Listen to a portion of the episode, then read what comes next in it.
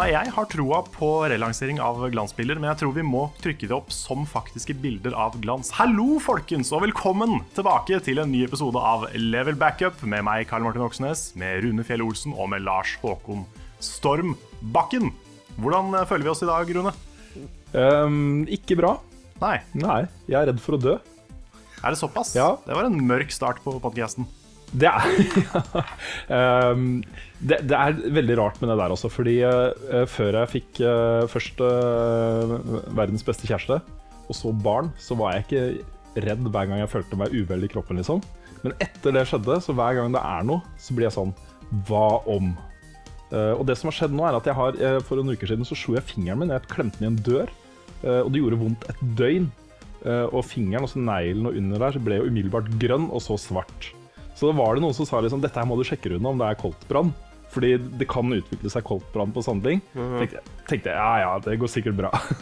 Men så leste jeg litt om symptomer og sånne ting. da og jeg, Men det er det verste du kan gjøre, å google symptomer. Ja, og øh, ja, det, jeg ble litt betrygga av det, for jeg følte ikke noen av de symptomene. For eksempel, så Hvis jeg ikke hadde noe følsomhet i den fingeren, hvis ikke jeg kjente det jeg klikka på det, og sånt, så gå til lege, liksom. Og det gjør jeg. Eh, men så var det en annen ting er liksom, hvis du begynner å kjenne deg nummen på forskjellige steder rundt omkring i kroppen, så bør du gå- til legen. Og så at du er kald og sånn som om eh, armen din har sovna og sånt. Og i går kveld så lå jeg der og så på Arrow, og så kjente jeg liksom begge armene mine. Jeg tok meg selv og liksom sitte og gni på armene mine. Og da ble jeg sånn Faen! Men du vet hvordan det der eh, de, de tingene der eh, vokser seg inni hjernen din uten at du er nødvendigvis bevisst på det? Jeg gjør det. så derfor, jeg er sånn, Det er jo en, en sånn der rasjonell side av meg som sier liksom, ta det med ro, Rune. Men, men det er liksom en, også en rasjonell side i meg som sier sjekk opp dette her, Rune. Ja, jeg vil, vil anbefale deg å sjekke det opp. Jeg skal sjekke det opp, og så var jeg da hos legen min, eh, fastlegen min i dag tidlig. Fordi mm. noen ganger så er det mulig å bare snike seg inn eh, og ta en kjapp vurdering, liksom. Mm. Hvis det er ting som haster litt. Men hun var jo bortreist, og det sto bare skilt på døra om at det ikke er noen resepsjon her i dag. Og jeg begynte å ringe telefonen, og bare Vi tar ikke telefonen i dag, vi. så jeg skal en tur til uh, legevakta etterpå. Så ja, jeg skulle til å si står Rune på legevakta og bare ta fiks fingeren min. Ja. Um, ja. Nei, men, Men det er, um, skal jeg ta litt eh, hva som kan skje eller, med koldtbrann? ja, Snakke gjør det. om det? Ja. Bare okay. for å sette stemninga på podkasten her. Ja, Yes. ja, gjør det. Det er jo det at vevet dør. Ja. Eh, Du får et, du, for eksempel da, eh, via frostskader, eh, Mm. men også via traume. At for eksempel du smeller fingeren din inn i en dør. Ja, ja. eh, Sånn som du har gjort. sånn som jeg har gjort. Det som skjer er, kan skje, er at vevet der dør. Eh, Du hindrer blod, blodsirkulasjon, og nerve, nervene blir ødelagt, liksom. Ja. Og så kan det spre seg. Og det som skjer, er at den eh, Det er en slags infeksjon da, som begynner å spise på organene dine og sånne ting. Mm. og da er det sånn at ok, eh, ved mildeste form, eh, hvis du tar det tidlig, så kan det stoppes med antibiotika. Nest mildeste eller nest verste, så eh, kan du liksom bare skjære bort det døde vevet, sånn at ikke det sprer seg. Eh, amputere, f.eks. ja. Og i verste fall så er det for seint, liksom. Da har du tatt for mye av, eh, av nyrene og milten og leveren Ja. til at Jeg, jeg vil jo tro, bare for å liksom eh, sette det litt mer ned på, på bakken, så vil jeg jo tro at du hadde merka det hvis det var liksom de verste eh, variantene av det. Ja da, jeg, jeg er også eh, jeg, Ja. Ja. Jeg er ikke uenig i det, Karl, Nei, men jeg har lyst til å få Ja, sjekka dette her. jeg ser jo jeg ser Men vil ikke liksom du ser det òg? Vil ikke hele fingeren og liksom vevet rundt på en måte bli Jo da, dødt? altså uh, Misfarging av hud er jo liksom en av de første Ja. symptomene vi skal se etter. Ja. Så, uh, uh, men sånn nummenhet og sånt er på en måte Mm. hakket før det, da, i Ja. symptomlista, liksom. Ja. Så eh. Jeg skal sjekke dette. Ja. For å det- snakke om det litt hyggeligere. Kan ja, jeg? Kan jeg, kan jeg ta en liten sånn tangent uh, først? Ja, gjør det. Fordi uh, jeg også har hatt en sånn opplevelse med at jeg var veldig bekymra for noe. Mm. Uh, også fordi jeg googla symptomer. Men det var, jeg, jeg følte en sånn klump i halsen en gang Mm. for, for mange år siden. Og googla det. Fant ut at det både var kreft eh, Det var jo ikke det, men jeg, jeg fant det ut på Google. Mm. At det var kreft. Eh, og i tillegg så, så fikk jeg et bilde opp av en sånn dame som hadde sånn svær kamelpukkelting okay. på hele halsen. Så det så ut som liksom eh, Jabba the Hutt. eh, Er ikke det sånn kusma?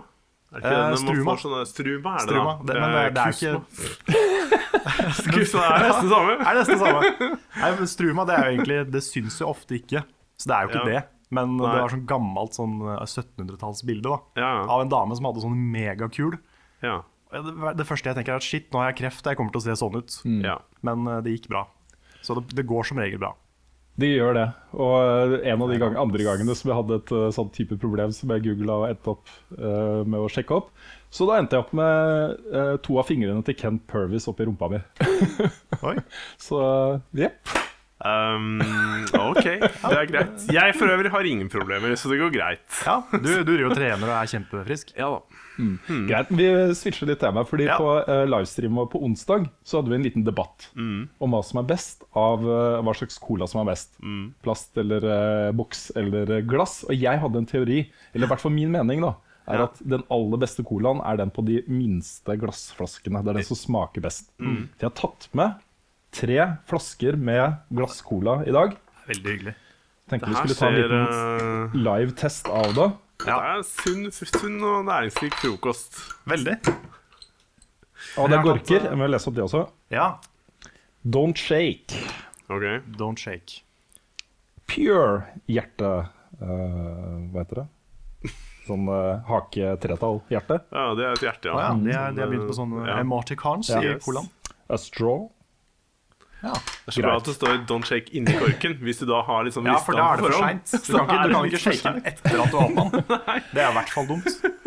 Nei, skal vi ta en liten eh, test, og så Ja. ta runden på Vi må Ja. også nevne kanskje nok en gang at vi er ikke sponsa av Coca-Cola. Nei, vi er ikke det. Selv om, selv om mye sikkert tyder på det. Åh, Hvis det hadde vært det, så hadde vi hatt Ja. Mm. De burde jo sponse oss sånn retroaktivt. Det er, Ja. det, er det, det er nok den beste colaen. Jeg mener den smaker best. Ja. Jeg er, eh, jeg er jo på boks, da. Ja, men jeg liker boks, jeg også. Det er Ja. det nest beste. Og det er ikke så stor forskjell mellom de. Nei. Nei, jeg vet ikke. Jeg, kanskje jeg liker Hvis det er sånn metallsmak på den, kanskje jeg liker det. Jeg veit ikke. Jeg er, eh, det er jo ikke det at dette er Det er jo ikke kjempeforskjell. Det er jo ikke vondt eller sånt, men det er mer det at det bare Jeg Det føler det er er mer smak. av- Det er mer smak. Ja. Uh, Hvis ikke det er noe med følelsen av måten man drikker på. Jeg vet ikke. Har det noe å si, tror du? nei, jeg vet ikke. Jeg vet ikke. Men vi, vi må kanskje videre i den eh, sykdom- og Å, ja, cola-podcasten Level Backup. Ja. Uh, skal vi hoppe litt over i å snakke om hva vi har spilt i det siste? Ja, det kan Ja. Ja, vil du begynne, Ro? that. Eh, jeg har spilt Heavy Rain. Ja, det, har, det tror jeg vi andre også har gjort. Ja. Uh, Det ble jo lansert på tirsdag, og vi hadde livestream på onsdag, så spilte vi Heavy Rain. Det var et ganske hyggelig gjensyn. Ja, Det er fortsatt sånn at det er, det er liksom bare ett spill som ligner på Heavy Rain, og det er Beyond Two Souls. ja sant. Eh, Du har litt av det samme i Life is Strange og sånn. Ja da, du har det. Og og Until Dawn. ja. ja, det er for så vidt sant. De er ganske det er, Jeg tar tilbake det jeg sa.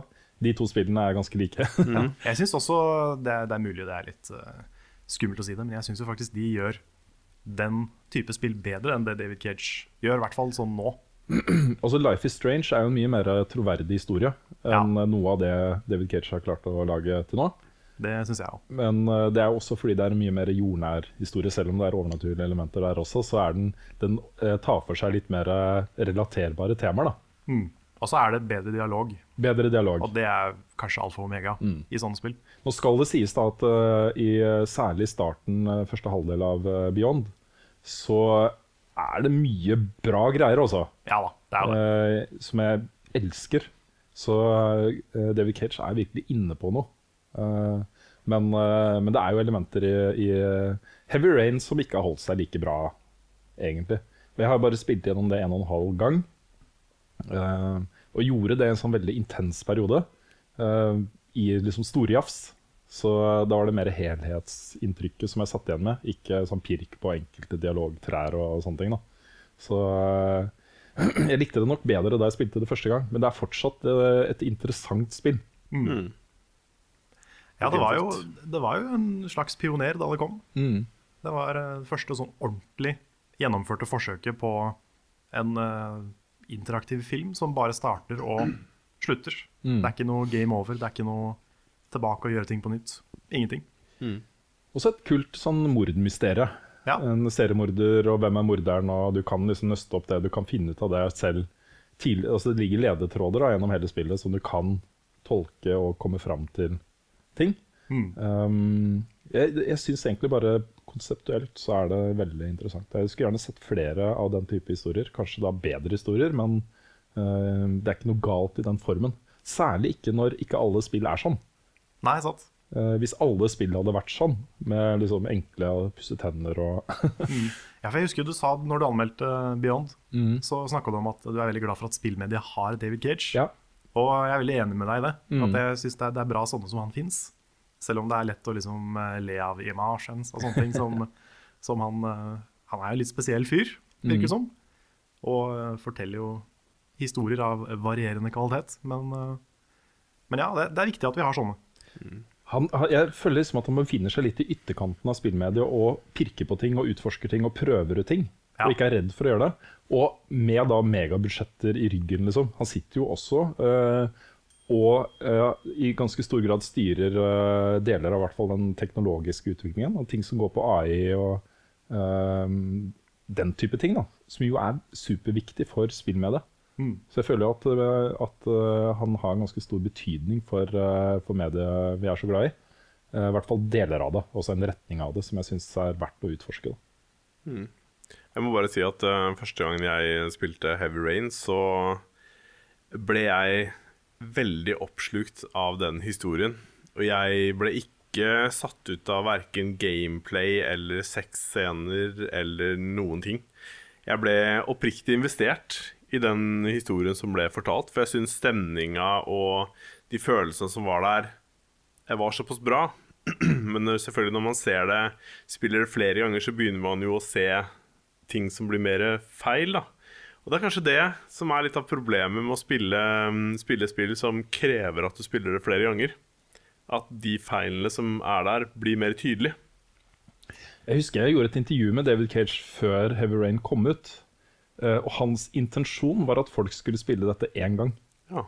Ah. Eh, og få liksom hver sin unike Få historie ut av det. ikke sant? Da er det jo litt uh, mot sin hensikt å ha achievements for hver, trophies for hver eneste Ja. Ja, da, men også poenget, han, han vet jo at folk kommer til å spille flere ganger. Og de hadde jo lagt opp til det også. Du kunne jo gå tilbake uh, på checkpoints. eh, og liksom uh, For historien går jo videre. Selv om f.eks. en av hovedpersonene dør, så går historien videre hvis ikke du går tilbake.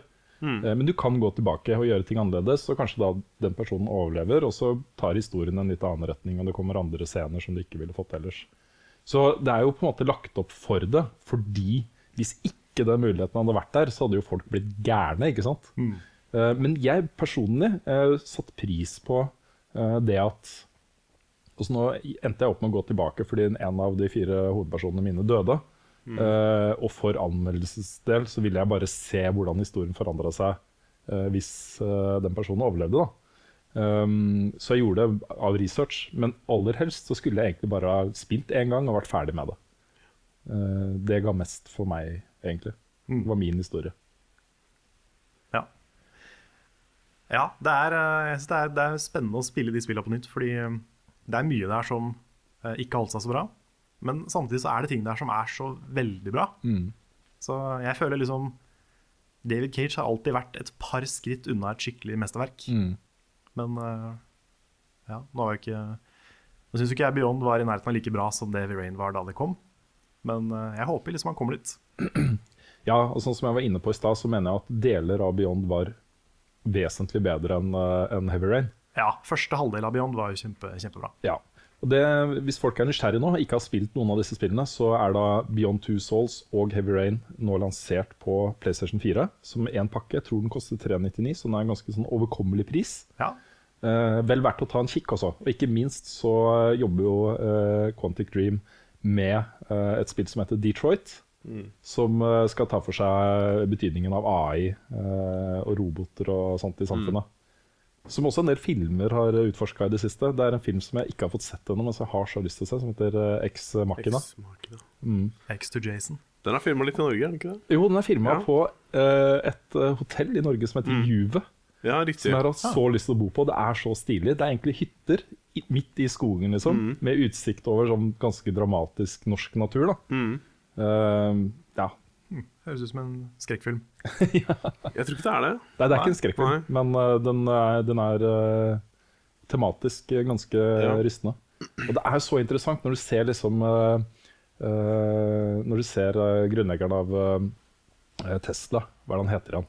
Han er jo det er sånn- Elon Musk. Nettopp. Yes. Uh, og Bill Gates og alle de store teknologigigantene og uh, teknologifilantropene har nå Mm. gått sammen om et initiativ med massevis av milliarder av dollar som bare driver og forsker på hvordan man skal unngå at kunstig intelligens utsletter menneskeheten. Ja, ok. Det er superinteressant. Wow. Det er en sånn egen forskningspark med hundrevis av forskere som bare sitter og jobber med det nå. Og det er eh, bra noen tar tak i det, fordi uh, det er en teori som ikke er helt uklausibel. Nei, og gud bedre. Jeg kan ikke forestille meg hvor skummelt det egentlig skulle være. Hvis det plutselig kommer gående en robot eller et eller annet som har sin egen eh, vilje og uh, tankegang, og kan utvikle det ettersom hvilke miljøer den havner i, og gud veit ikke hva. Så ja. Jeg tror også det var det Asimov som lagde liksom, The Laws of Robotics, som handler om eh, hvordan man skal programmere AI til å ikke gå mot oss. Eh, det, er, det er så mye interessant der, og dette er jo mange tiår siden han gjorde det. ikke sant? Eh, men dette er jo teorier og, og tanker som har ligget der lenge, og som nå plutselig er science reality, liksom. det skjer nå. Når du ser Google drive og forske på sånn robotteknologi Jeg har sett i de der videoene som er ute nå hvor de driver og sparker på Ja, disse ja. stakkars robotene og plager dem, liksom. Bare nei, ikke gjør det! Nei. Har dere ikke sett Terminator? Så ja. ja. Nei. Noen bør kanskje lære dem litt om det. Spørs det. Ellers så har jeg jo spilt uh, Far Cry Primal, uh, og den anmeldelsen Jeg havna ofte i sånne situasjoner også når vi jobba i VG, hvor eh, jeg ble sjuk, og det var mye annet å gjøre, og møter og sånne ting, men den anmeldelsen er jeg rett og slett ikke ferdig med. Nei. Beklager, gutter. Det- Jeg har ikke klart å bli ferdig. Nei, sånn kan det gå. Det, det skjer, det. Shit happens. Yes. Yes. Så eh, den kommer uh, når, når jeg har tid. Ja. Har du spilt ferdig? Jeg har ikke spilt det ferdig. Nei, ok. Eh, jeg føler jeg har spilt det nok til å, til å mene noe om det. Mm. Skal jeg mene noe om det nå, eller? Du kan jo mene litt om det. Komme, komme en liten teaser til uh... Ja, fordi uh, jeg er i litt samme situasjon som jeg var i da jeg anmeldte Evolve. Ja. Som, eh, som var kanonbra opplevelse. Det å komme inn der konseptuelt, alt var liksom dritkult. Da. Kjempegøy å spille. Eh, men etter hvert så ble det litt for mye repetisjon. eh, og litt for eh, altså den, Når den umiddelbare gløden la seg, så var det fortsatt bra, men ikke så bra som i starten. Så hvordan skal man på en måte vurdere et sånt spill? Mm. For jeg mener det er nok bra i Far Cry Primal til å si dette er konge, liksom. Eh, men jeg føler allikevel at jo lenger ut man kommer i det, selv om det kommer liksom nye eh, nye typer dyr du kan temme, nye egenskaper du får, nye områder å utforske, alle disse tingene, så er det litt sånn samey. Ja. Så- Jeg, jeg har jo runda det, Ja, du har det? Uh, så jeg er ganske enig med deg. Men uh, jeg syns faktisk det um, å få de egenskapene man får etter hvert, er ganske spennende å teste ut. For noen av de er interessante og legger til et nytt element i måten du fighter på.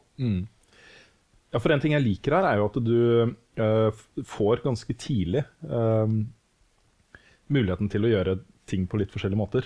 Enten bare kaste deg inn i kamper med klubber, liksom, og bare hamre løs på folk.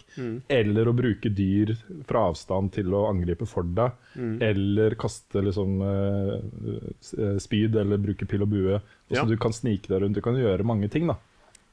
Så, så dette er på en måte en sånn herre voldsarena som er litt uh, skreddersydd til uh, forskjellige fremgangsmåter. Ja, Og det liker jeg. Men sånn har jo Far Cry-spillene alltid vært. Så jeg føler jo at uh, der har de liksom tatt vare på den arven. At uh, du gjør dette her litt etter eget ønske og tempo. Jeg har hørt at de som ikke har spilt så mye Far Cry, liker det spillet her bedre enn de som har spilt mye Far Cry. ja. Men det tror jeg på. Ja. Fordi altså jeg klarte jo ikke å spille ferdig Far Cry 4, for jeg syns det var liksom en blåkopi av Far Cry 3.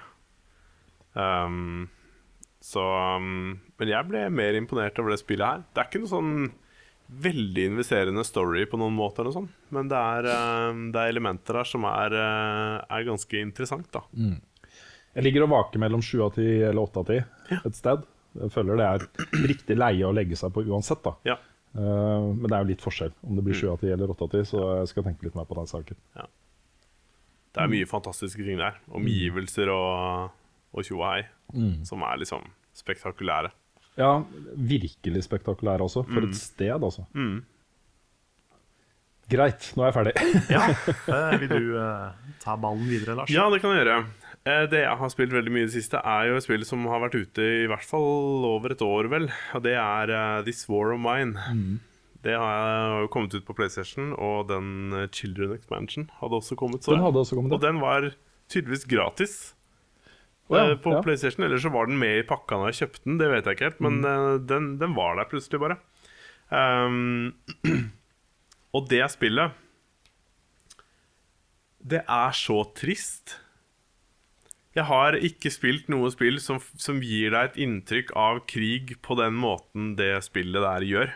Fordi sånn som Call of Duty, Battlefield, alle disse spillene her, de glorifiserer det litt. Det er litt sånn der du spiller en soldat som gjør liksom heltedådige ting. Men her får du se hvordan det, de sivile sliter med å overleve. Ja, Spillet er på en måte sånn at du s- eh, Det som skjer i kulissene i dette spillet, er på en måte Call of Duty. Yes. Uh, men du styrer de menneskene som blir berørt av de macho-greiene som foregår på andre siden av Ja. gata. liksom. Ja. Ja, og det er, eh, det er hendelser som skjer der. Eh, Det er valg du må ta underveis. F.eks. når det kommer noen på døra, og det er, det er to barn som kommer på døra. Og så er de sånn Vi har ingenting, vi trenger noe mat. Har du to bokser med mat du kan gi oss? Og hvis ikke du har det, så må du si nei. Og da går de broken hearted vekk fra den døra, og du får en eller annen følelse på deg. Altså Spillkarakterene får en sånn Eh, De blir enten eh, lei seg eller eh, og blir mer og mer deprimerte etter hvert som de gjør ting går gærent. da Men det er så hjerteskjærende, eh, rett og slett. Og om natta så må du jo sende ut eh, en person for å um, scavenge eller raide andre steder i byen for å prøve å finne mat og eh, supplies da for å utvikle din egen, din egen base eller hjem, liksom. Og det er eh, der hender det at du kommer borti encounters som gjør at du må, du må ta et valg. Enten så må du bare stikke av. Ehm, men hvis de begynner å fighte med deg, så må du fighte tilbake. Og da er det, et, da er det en fight på liv og død. Og hvis du dreper en annen person der da, så kommer de hjem og blir mer og mer lei seg. Og når jeg har spilt, så blir disse folka mine De blir deprimerte. Og til slutt så blir de broken. Og da bare står de i en sånn katatonisk eh, fase hvor de bare står der, og du får ikke beveget figuren eller noen ting. Og han, han bare får ikke gjort noe. Og det er sånn ja, jeg vet ikke hvordan eh, Det er jo veldig lite actionfylt, egentlig. Men samtidig så er den, den følelsen det spillet gir, med tanke på at du hele tiden må mate, de er stadig vekk sultne, stadig vekk trøtte og sånne ting Det går inn på meg, altså. Rett og slett. Ja, altså, den type um, Det er jo en slags fortelling fra virkeligheten, fordi den type kriger og konflikter pågår i hele verden hele tiden. og uh, i hvert fall tradisjonelt sett så har vel ikke har det, det har ikke vært så lett å på en måte relatere til hvordan folk faktisk har det.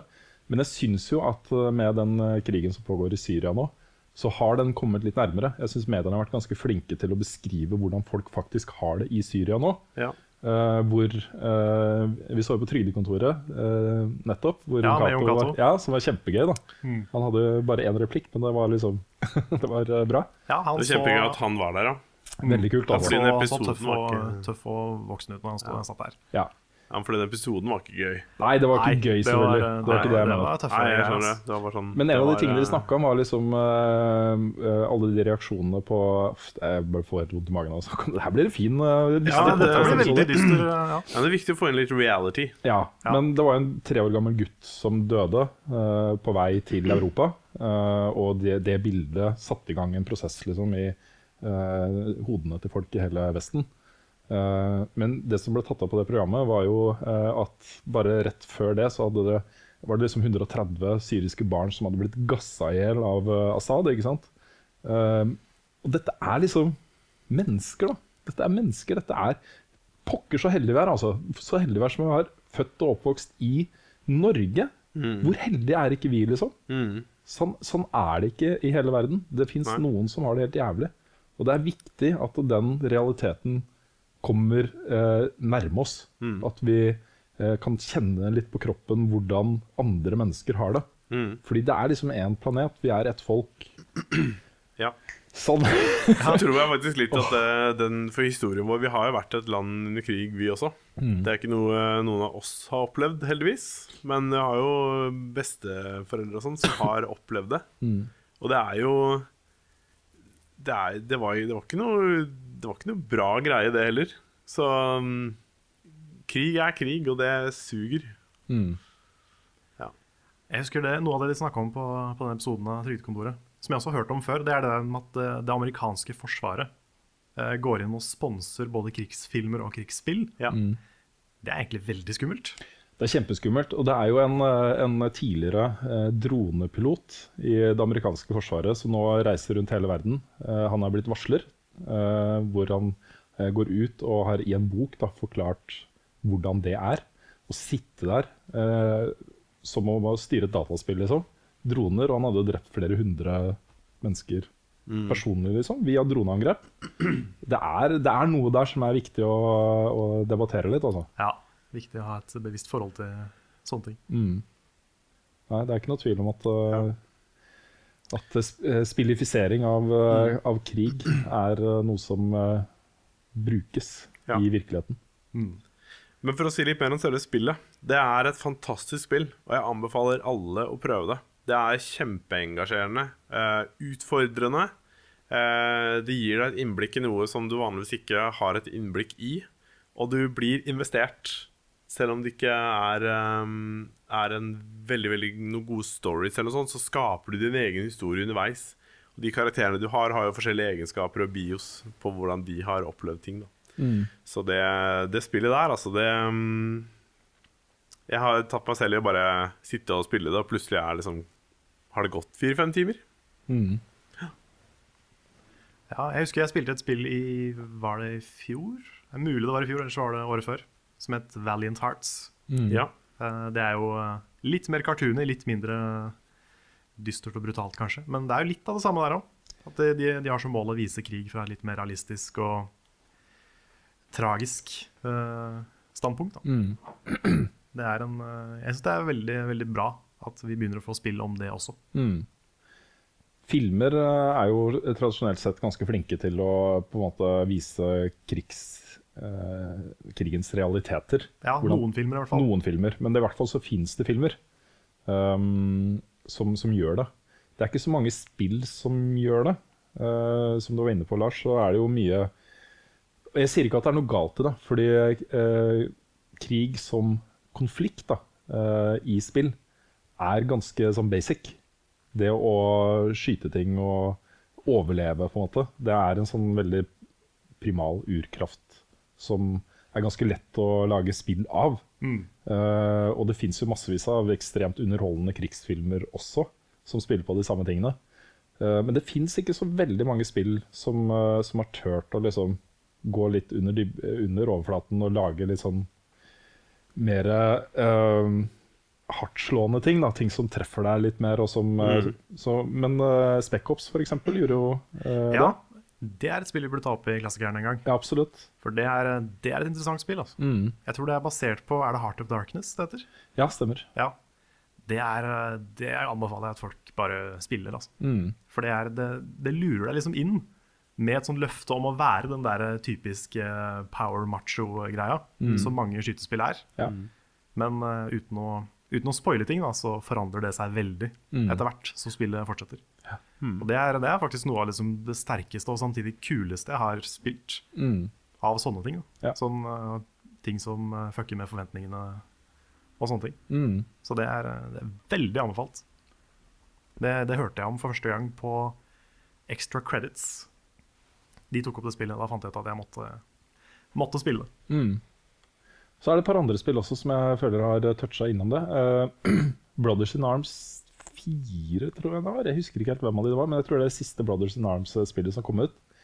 Gikk liksom markant bort fra formelen og, og fortalte mye mer sånn menneskelige historier. da. Småhistorier rundt omkring uh, som var, var sabla bra manus, rett og slett.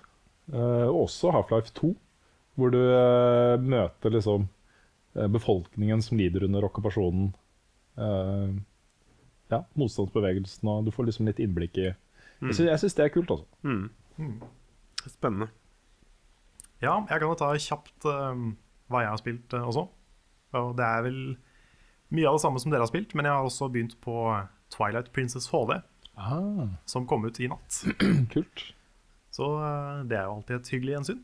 Men det som er litt interessant da, med, med Twilight Princess HD, sammenligna med Windwaker HD, det er at selv om Windwaker er eldre, så føles Twilight Princess eldre når man spiller det nå. Mm. Fordi den grafikken og liksom den visuelle stilen har holdt seg mye dårligere enn det Windwaker har gjort. Mm. Men det er jo likevel fortsatt et veldig veldig pent spill. Mm. Og uh, foreløpig så koser jeg meg veldig. Det er jo et av de bedre Zelda-spillene, syns jeg. Så ja, jeg har ikke kommet så langt ennå, men det, jeg koser meg foreløpig. Mm. Ja, det gleder jeg meg til å spille selv. Det er eh, good times. Det er tid for nyheter, og denne uka her så har vi jo en del å snakke om. Blant annet litt ting fra Norge. Ja, nå skjer det ting, altså. Eh, og det er, det er så gøy å liksom følge med på den norske spillindustrien nå, fordi det bobler. Og det, det har vi sagt i mange år nå. Men liksom, de blir flinkere og flinkere. Hvert nye prosjekt som kommer ut, blir bedre. De lærer seg ting, de blir større, de får litt gjennomslag internasjonalt. Eh, og det som har skjedd denne uka, er jo Uh, flere ting, egentlig. Men uh, først og fremst så kom NFI med liste over over tolv spill som har fått tilskudd. De gjør det tror jeg, fire ganger i året, som de deler ut millioner av kroner til spillutviklere. Og der var det flere nyheter. og den som jeg kanskje syns var mest Ja, det var to da, som var mest spennende. Er et nytt spill fra Red Thread Games som uh, går foreløpig under navnet Kodenavn Svalbard. Oi! Jeg sendte en melding til Ragnar Tørnquist og spurte om han kunne si noe mer om det. Nei, det kunne han ikke ennå, da. Nei, ok, ok. uh, men uh, ja Spennende. Det høres ut som en norsk film. Kodenavn Svalbard. Ja, Aksel Hennie, ja. Nei, jeg vet ikke. Jeg, det er ganske tydelig at, at, de, at Red Fred nå eh, bruker det at de er fra Norge for alt det er verdt. Ja. For de jobber jo også med Draugen. Ja, ikke sant? Draugen også, ja. Ja. Mm. Så, eh, men det er veldig spennende. Jeg, jeg gleder meg til å få vite mer om det prosjektet. Krimmysteriet fra Svalbard hadde vært noe. Ja, et eller annet sånt. ja. Eh, Med LA Noir-teknologi. Ja. ja, ikke sant? Eh, Men også en annen announcement som er helt, helt ny, og det er Rock Pocket eh, i Tønsberg. Som eh, kom med et spill som heter Moons of Madness. Og det kom det litt mer informasjon om. Det oppretta en Facebook-side for det spillet. Uh, Og det er litt sånn Det ser ut som det er et sånt uh, førstepersons horrorspill lagt i en romstasjon. Uh, Som det er ikke ulikt et par andre prosjekter som er på vei, og som har kommet. Eh, Og de sier at de er inspirert av Lovecraft Oi. der. Så det, det er liksom en sånn kul greie, da. Og for et navn! Moons of Madness. Det synes jeg er fantastisk. Ja. Jeg synes Rock Pocket har eh, sånn historisk også laga mye kult. De har det. De eksperimenterer med mye sånn spennende prosjekter. Ellers på den tilskuddslista så er det jo massevis av andre interessante spill. Degrees of Separation fra uh, Moondrop. Uh, Through the Woods fra Antagonist. Uh, det nye spillet til Krillbite, The Mosaic, som jeg har sett litt fra. Men off the record. Så jeg kan ikke si så mye om det. For Nei, okay. på et tidspunkt så var det et Jeg vil nesten klassifisere det som et hobbyprosjekt hos en utvikler. Uh, som nå er liksom løfta opp og blitt det neste store prosjektet til Krill- Mm. Han jobba jo Krillbite også da, men han jobba liksom fra Oslo. Um, men det, det, det ser megalovende ut. Kult. Vi får eh, spandere noen øl på Jon Cato, så kanskje Ja, kanskje det. uh, jeg skal ikke, ta, skal ikke ta hele lista her, men, uh, men uh, det er et par andre spill som jeg har lyst til å nevne. Det ene er Skatelines fra Agens, som ser dritkult ut. Eh, og så er det et spill som jeg har fulgt litt, som heter Manual Manuel Samuel. Som er Ja. det, er det er fra Perfectly Paranormal, heter selskapet. Det er veldig sånn comic. Du skal styre en fyr uh, som Det er litt sånn um, åh, Kvopp blanda med et eller annet. ja, er ikke det han som uh, Som drikker og Ja, du, er litt sånn du skal manuelt sånn, styre alle lemmene hans. Ja, ok, med, riktig. med liksom ja, knapper Har vi sett det på en eller annen messe? Ja, de viste Ja. fram det for en stund siden. Jeg tror vi hadde det innslag om det også. Ja, vi hadde det innslag om det. Ja, stemmer. mm, stemmer. Så Litt sånn Octodad. Ja. Eh, det, eh, grunnen til at jeg nevner flere av de også, er at eh, på GDC så er det jo en sånn egen greie som heter GDC Pitch. Og i dag fredag så ble det da kjent at tre av ti spill der er norske. Og det er da Skatelines fra Agens. Det er et spill som heter Redux fra Hypergames. Og så er det uh, Through the Woods fra Antagonist. Mm. Uh, og Through the Woods er jo et spill som vi også har fulgt litt, som er et sånn horrorspill, det også. Med en litt sånn norsk vri. Ja, jeg har spilt beta på det. Ja, ikke sant? Virker det lovende? Det var skummelt. skummelt. Veldig. Ja. Um, jeg, det, det virker absolutt lovende. Uh, jeg, jeg, jeg Jeg vet ikke. Jeg ble kanskje litt uh, skuffa når det skjedde i den betaen. Det er vel ikke noe spoiler, det, men da ble man jo jaget av noe på et eller annet tidspunkt. Og så fikk man jo se litt hva det var. Og da blei det ikke så skummelt lenger. Så jeg vet ikke helt. Nei, men jeg vet akkurat hva du mener. Ja. Men, eh, men det var eh, utrolig bra stemning i det, eh, og storyen virka veldig kul. Eneste var at det var jo Det var jo på engelsk med tydelige norske skuespillere som Ja. hadde veldig norsk aksent på engelsken sin. Og det var jo litt søtt, men, eh, men Ja, det husker jeg. Det har jeg tenkt på mange ganger på, Ja. på Drømmefall også. Ja, Det er, det er litt morsomt. ja. Ja, nå har du fått 1 million kroner fra NFI, så da kan det hende at de har eh, penger til bedre voice actors, kanskje. Kanskje. ja. Jeg vet ikke om det nødvendigvis behøver å bety så veldig mye, altså. Det, men kanskje internasjonalt. Jeg vet ikke. Ja, det funka for Heavy Rain. Ja, Ja.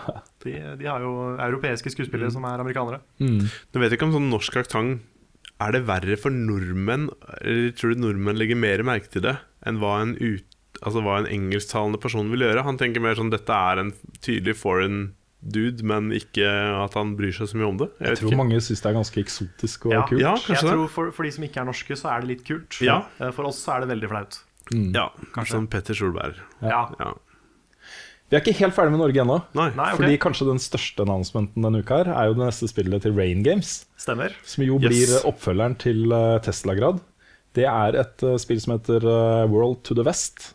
Um, jeg gjorde et intervju med, med en av de der uh, i går, som, var, som er ute på YouTube-kanalen vår. Mm. Uh, og en ting som ikke kom med i det intervjuet, som jeg syns var litt uh, interessant, men det hadde jeg allerede skrudd av opptaket, ja. det er at når jeg hører det navnet, the, World to the West, så tenker jeg spagetti western. Og når du hører musikken til traileren, så er den sånn helt tydelig inspirert av det. Og da snakka vi litt om det, da. Og det var det. Det var inspirert av liksom, hvordan USA var da europeerne kom dit. Ja. Og hvordan det var delt inn i liksom, Der bodde tyskerne, der bodde irene. Og sånn. Så dette er jo det samme. Det er fire forskjellige verdener eh, med fire forskjellige folk, med fire forskjellige egenskaper og bakgrunn. Og så kan du styre da én person fra alle de fire folkene um, på forskjellige punkter. Så um, veldig interessant konsept. Og en av de fire er jo, har jo mange av de samme egenskapene som hovedpersonen i Tesla-grad hadde. Ja, riktig. Uh, og det er da datteren Det foregår 25 år etter eh, begivenhetene i Tesla-grad. Det er datteren til hovedpersonen i Tesla-grad som ja. styrer. Så det er en connection der Ja, ja, det er en, Det er eh, en link, liksom. Men dette er jo et, et eh, 3D-spill. eh, Der Tesla-grad var jo 2D. Um, dette er et 3D-spill. Top Mm. down. Um, vi snakka litt om Selda. Ja, jeg skulle til å si apro- som, eh, Ja. Han poengterte jo at det finnes jo mange spill som bruker den viewpointen, og sånt, men Selda er det mest kjente, så det er det mest Ja. naturlige å sammenligne med. Ja, det er ikke Ja. noe negativt, det i det. Så, men det, det ser bare dødsbra ut. Ja, og det jeg, gjorde det jeg tror liksom at den suksessen som Rain Games har hatt med Tesla-grad eh, De har solgt 1,6 millioner eksemplarer av det. Nå tror jeg ikke det har fått full pris på alle de 1,6 millionene, fordi det er veldig mye sånn humble bundles og sånne ting som inkluderte det. Ja, Men de har i hvert fall solgt mye, eh, og lært masse. Og jeg husker så godt da jeg spilte Tesla-grad, at det jeg tenkte mest, var at det neste spillet til de gutta her, og jentene, jeg vet ikke om det er jenter der, det kommer til å bli dritbra. Det, det kan bli dritbra. Fordi det var et sånt potensial der. De var på liksom the edge of greatness. ja. Eh, nådde ikke helt opp med Tesla-grad, føler jeg, selv om de gjorde det innimellom. Men eh, dette her har jeg virkelig tro på. Altså. Kult Jeg likte veldig godt stilen eh, på det. Mm. Det så veldig, veldig pent og veldig sånn eh, polished og crisp ut. Mm. Så eh, jeg har trua. Jeg har veldig troa på det.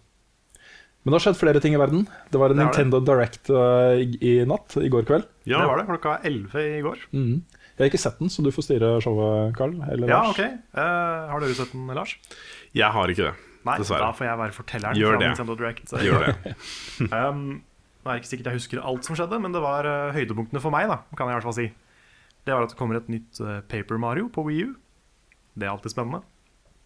Jeg er jo uh, storfan av Paper Mario, spesielt Thousand Year Door. Ja.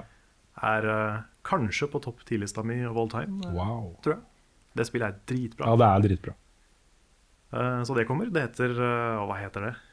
Jeg burde, burde sjekke av dette her før vi begynner. Men, eh, men det er i hvert fall det kommer i løpet av året. Og så kommer det en ny update til Mario Maker, som legger til en del kule nye ting.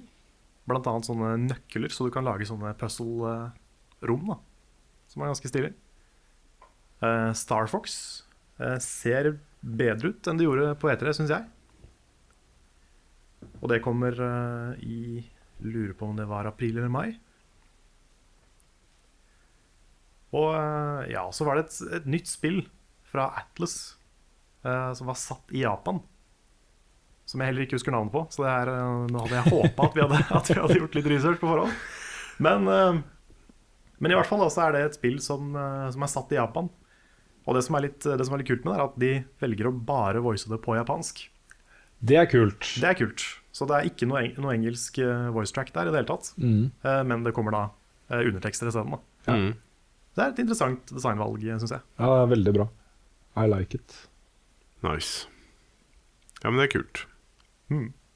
Så var det litt, eh, litt, nye, litt ny info om Fire Emblem Fates, eh, blant annet. Og eh, en del sånne ting. Ja. Ja, jeg er ikke blown away, men uh, hyggelig Nei, måter. altså, det, det, det føles jo litt som om Nintendo er i en litt sånn venteperiode nå før NX. Ja. Men uh, det, var, det var ting der som gjorde meg litt gira. Det var jo mest av Paper Mario og, Mm. og det der. Men, eh, men ja. Det er NX vi alle går og venter på. Det er jo det. Ja, det er vel det. Jeg kan jo si en ting som jeg leste her. Nå husker jeg ikke hvor jeg leste det, men det var at Activision ikke skal ha booth på E3. Ja, De heller. nei, og EA har jo tidligere gått ut og Yes. gjort det samme. Ja.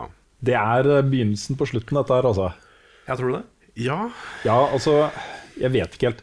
Det som, eh, det som er best metere er at, eh, at alle de store utgiverne eh, på en måte samles på samme sted ish eh, for å presentere nyheter, og du kan gå og teste ting som kommer og, og sånne ting. Um, det, kan, det kan hende at det fortsatt kan bli sånn, at man bare leier forskjellige lokasjoner rundt omkring i Los Angeles, og så har man sine egne ting, liksom. Eh, Fordi grunnen til at både EA og Activision nå er ute, er hovedsakelig, tror jeg, at effekten av å ha sitt eget event er ganske stort, og særlig hvis det er i forbindelse med etere.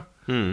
Bethesda i fjor de hadde jo kjempesuksess med å ha sitt eget event på søndag, altså dagen før uh, selve etere starta.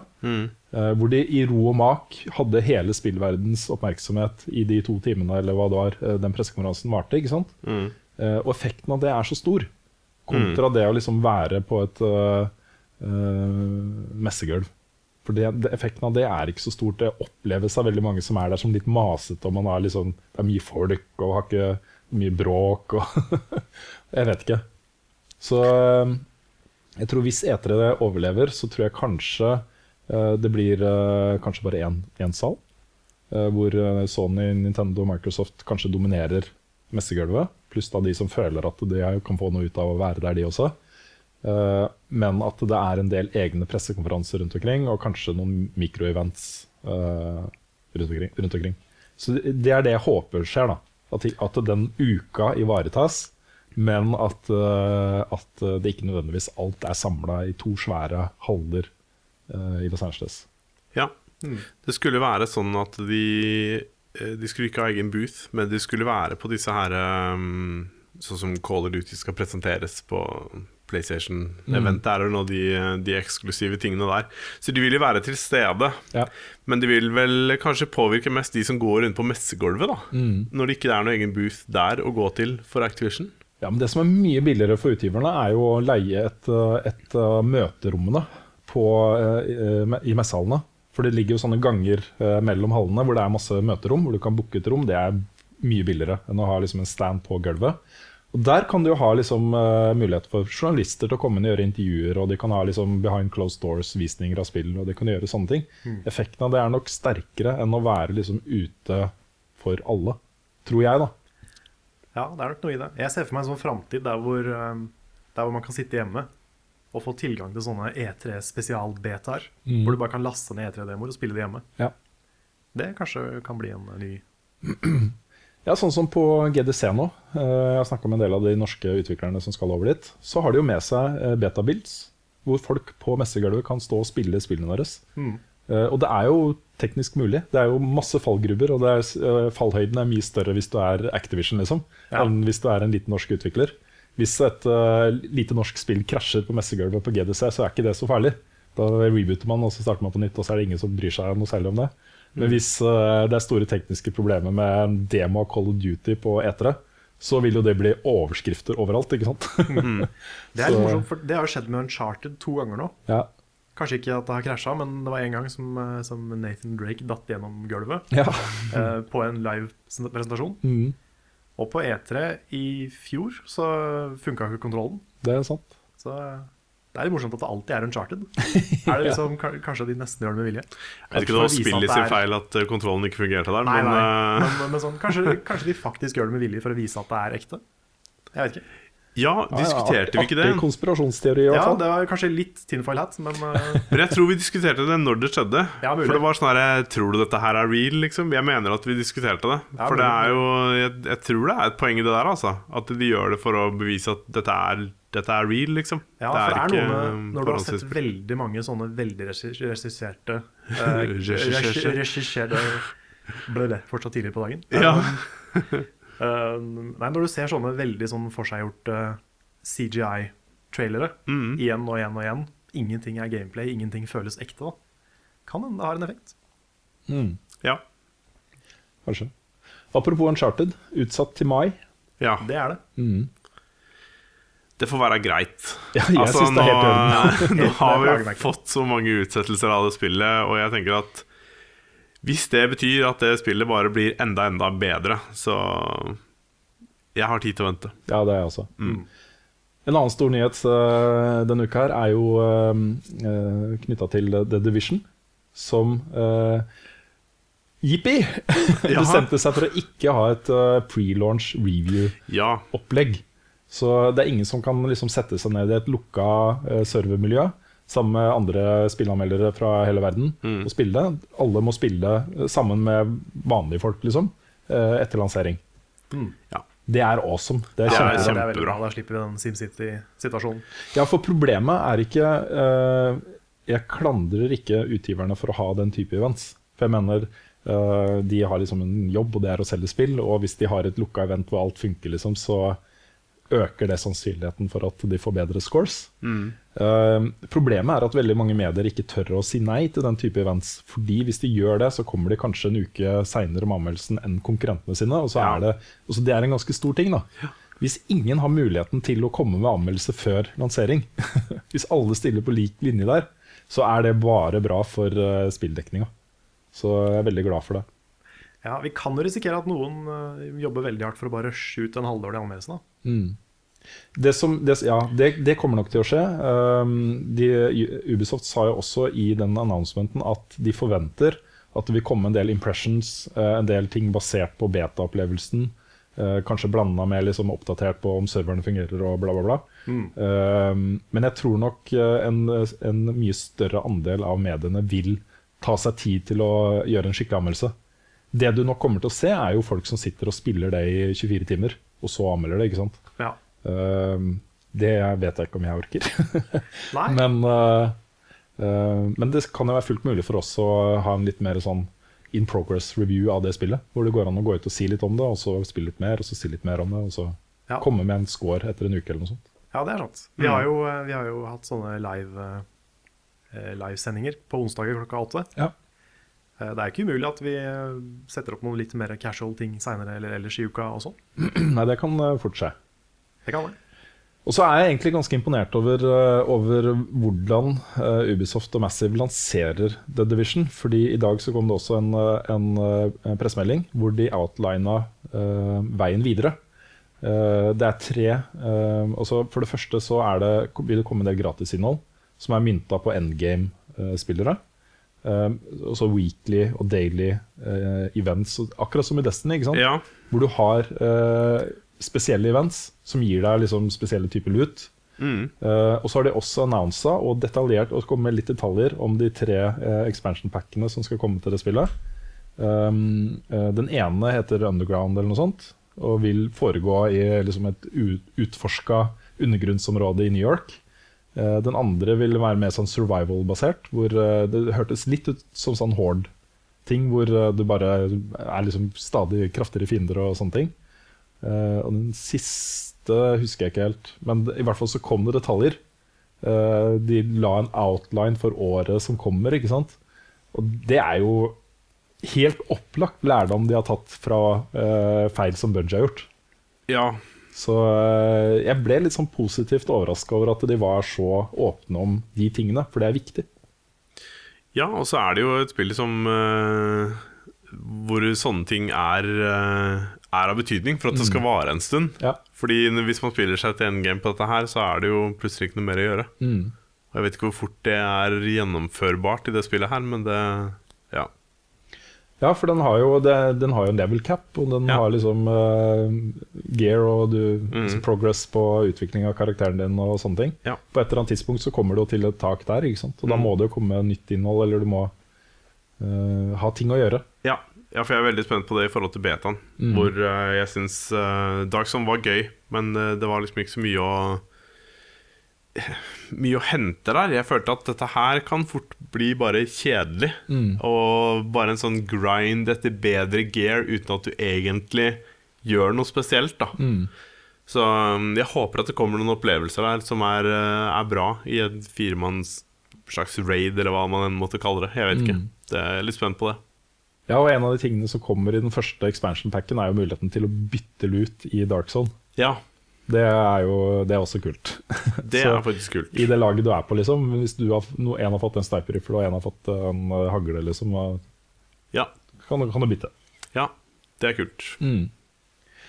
Jeg har én ting til jeg har lyst til å nevne i nyhetsspalten. Yes.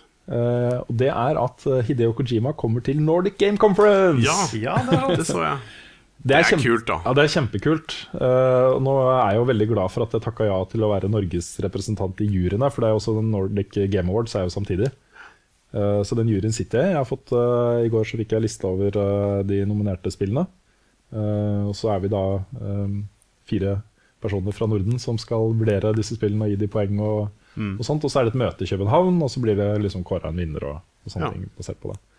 Så eh, det jeg håper på, er jo at det vil være mulig å få et intervju med han. Ja, jeg skulle til å si Da må sant? du jo få, ta, få til det. Ja, men jeg vet ikke helt hvem jeg skal snakke med der, siden han er indie nå, liksom. Det er eh, Ja, kanskje Kanskje- arrangørene.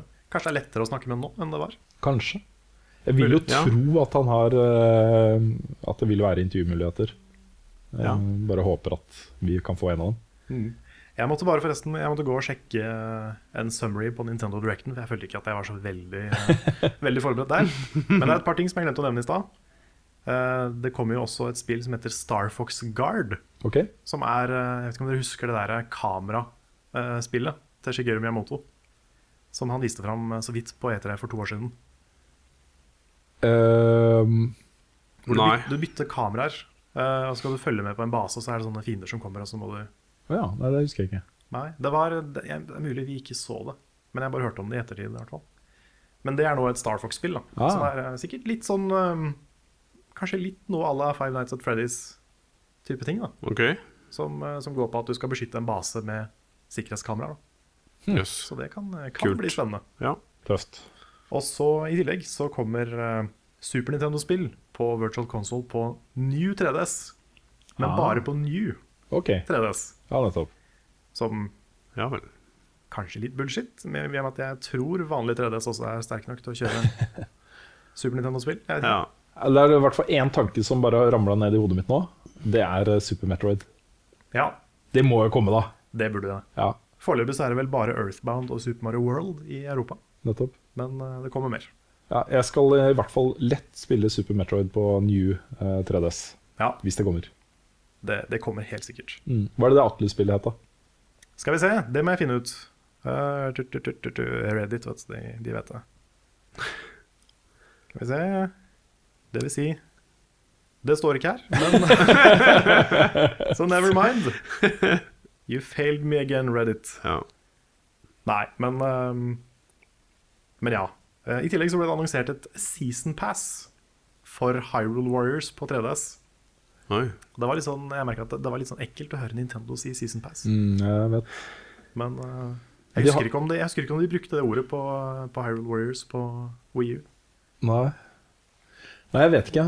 Nintendo har i hvert fall eh, demonstrert at, eh, at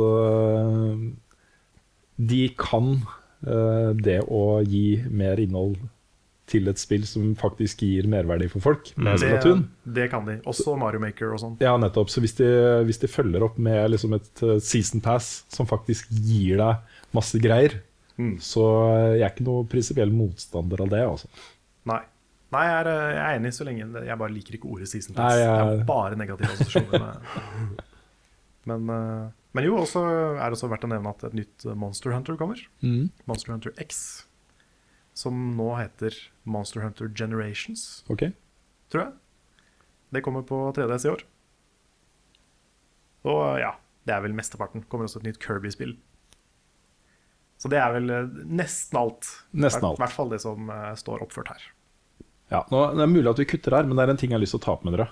Ok? Som uh, vi kanskje kan ta med i podkasten allikevel. Så hvis, dere, hvis det er med nå, så er det jo med. Ja. Hvis ikke, så har vi kutta rett før der. Spennende. Ja. Ja. Um, vi har fått en eh, forespørsel, den første av kanskje mange, fra en publisher eh, om eh, lanseringen av et spill. Eh, Ja. Fordi eh, det fins jo liksom eh, hva skal man si, markedsføringsmodeller nå som ikke er annonser, men som kanskje er konkurranser, eh, kanskje tilgang til utviklere, den type ting. Vi snakka om dette litt før vi etablerte selskapet også.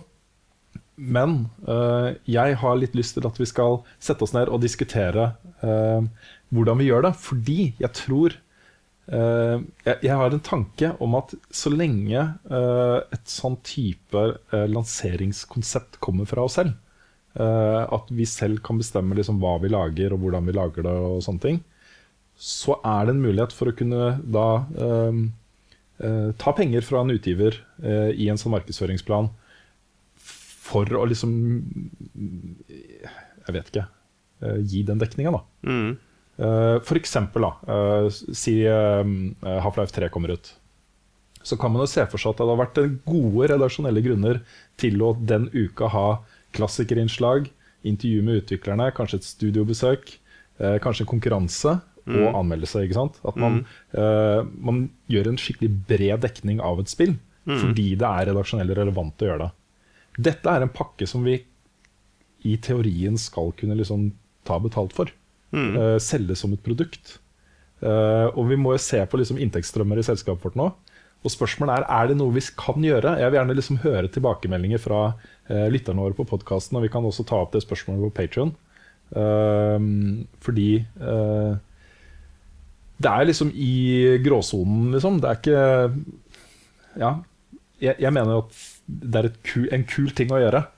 Så lenge vi står for, for innholdet selv, og så lenge vi kan gå ut. da Hvis vi har en konkurranse for eksempel, som er utvikla av en publisher eller PR-byrå til en publisher, og si det at, at dette er betalt innhold, liksom. Vi gjør dette fordi vi har fått penger for det. eh, Være helt åpne om det. Um, Men så er det, kan det også være ganske kult innhold for seerne våre. For det kan være kule konkurranser, kule ting de kan vinne. Eh, Det kan være en sånn ting som er bra for alle parter, egentlig. Ja. Så lenge vi liksom har full frihet til å mene det vi vil, og stille de spørsmålene vi vil, og ja. Jeg skulle ikke til å si det, da. Ikke sant? Ja, jeg skulle ikke til å si det, hvor begrensa man blir på å si ting. Det, er, det, det vil jo være av stor betydning. Jeg tenker at hvis vi først skal gjøre det, så må vi uh, være i stand til å si nei eh, til den type tilbud. Hvis ikke vi føler at uh, det er riktig for oss å gjøre det. Eh, men det fins massevis av eksempler på spill, store spillutgivelser, som vi hadde vært interessert i å lage ting på. Og vi snakka om det også, Carl, at eh, det f.eks. å lage en, en eh, svær spesialepisode på et enkeltspill er noe vi kunne ha gjort selv om vi ikke fikk penger for det. Eh, fordi det er interessant. Hva syns dere? Ja, jeg må, jeg må tenke litt på det, tror jeg. Jeg er Altså, jeg, jeg, det plager meg ikke når andre på YouTube gjør det, så lenge det liksom er tydelig markert at det er for det første deres egne stemmer, og for det andre at det er betalt. Men eh, ja, jeg må bearbeide det litt, tror jeg. Ja, for dette, dette kan være gode penger for oss. Um, det, det kan være en inntektsstrøm som kan bety litt. Fordi det er en sånn pakke kan vi ta ganske godt betalt for. Jeg ser for meg at for hvis vi hadde satt av da, eh, fire innslag en uke til én lansering, at vi fort kunne tatt liksom 50 60 70 000 kroner for å gjøre det, liksom, for å vie den plassen hos oss til å dekke det spillet. Da. Eh, og samtidig som det hadde vært helt opplagte gode innslag. For eksempel liksom eh, ja, Jeg vet ikke, nå nevnte jeg jo Half-Life 3, men det fins masse eksempler på Halo, eh, Uncharted. eh, ting som er interessant da, for oss også. Gå tilbake og lage et klassikerinnslag på eh, Jeg er oppriktig interessert i å kunne møte utviklerne av Uncharted for å stille mine spørsmål. Liksom. Det hadde vært en kul ting å gjøre. da Mm. Jeg vet ikke. Ja. Jeg, jeg tenkte Nei, bare det- løfte det opp litt. Ja, ja. Be om feedback fra dere som hører på, og fra dere, og så kan vi jo diskutere dette litt mer. Mm. Det er bra Det er bra de gjør det. Jeg tenker Det er jo Det er mange muligheter der. Og da er det jo litt sånn eh, Ja, som jeg sa, jeg tenker mest på hvordan man eh, Hvordan det blir i forhold til om vi blir begrensa på hva vi kan si og ikke si. Og så lenge Nei, det må vi alltid si nei til uansett. Ja, og så lenge man føler at integriteten kan være i behold i forhold til hva man gjør og leverer, og at dette er veldig tydelige ting, så er det jo eh, Så er det fullt mulig. Jeg tenker at en ting vi f.eks. nok måtte ha gjort hvis, øh, øh, hvis vi begynte å gjøre den type ting, var jo at øh, en av oss måtte ha håndtert liksom selve avtalen. Øh, og så måtte noen som ikke var involvert i akkurat den biten, ta anmeldelsen. Ja. Mm.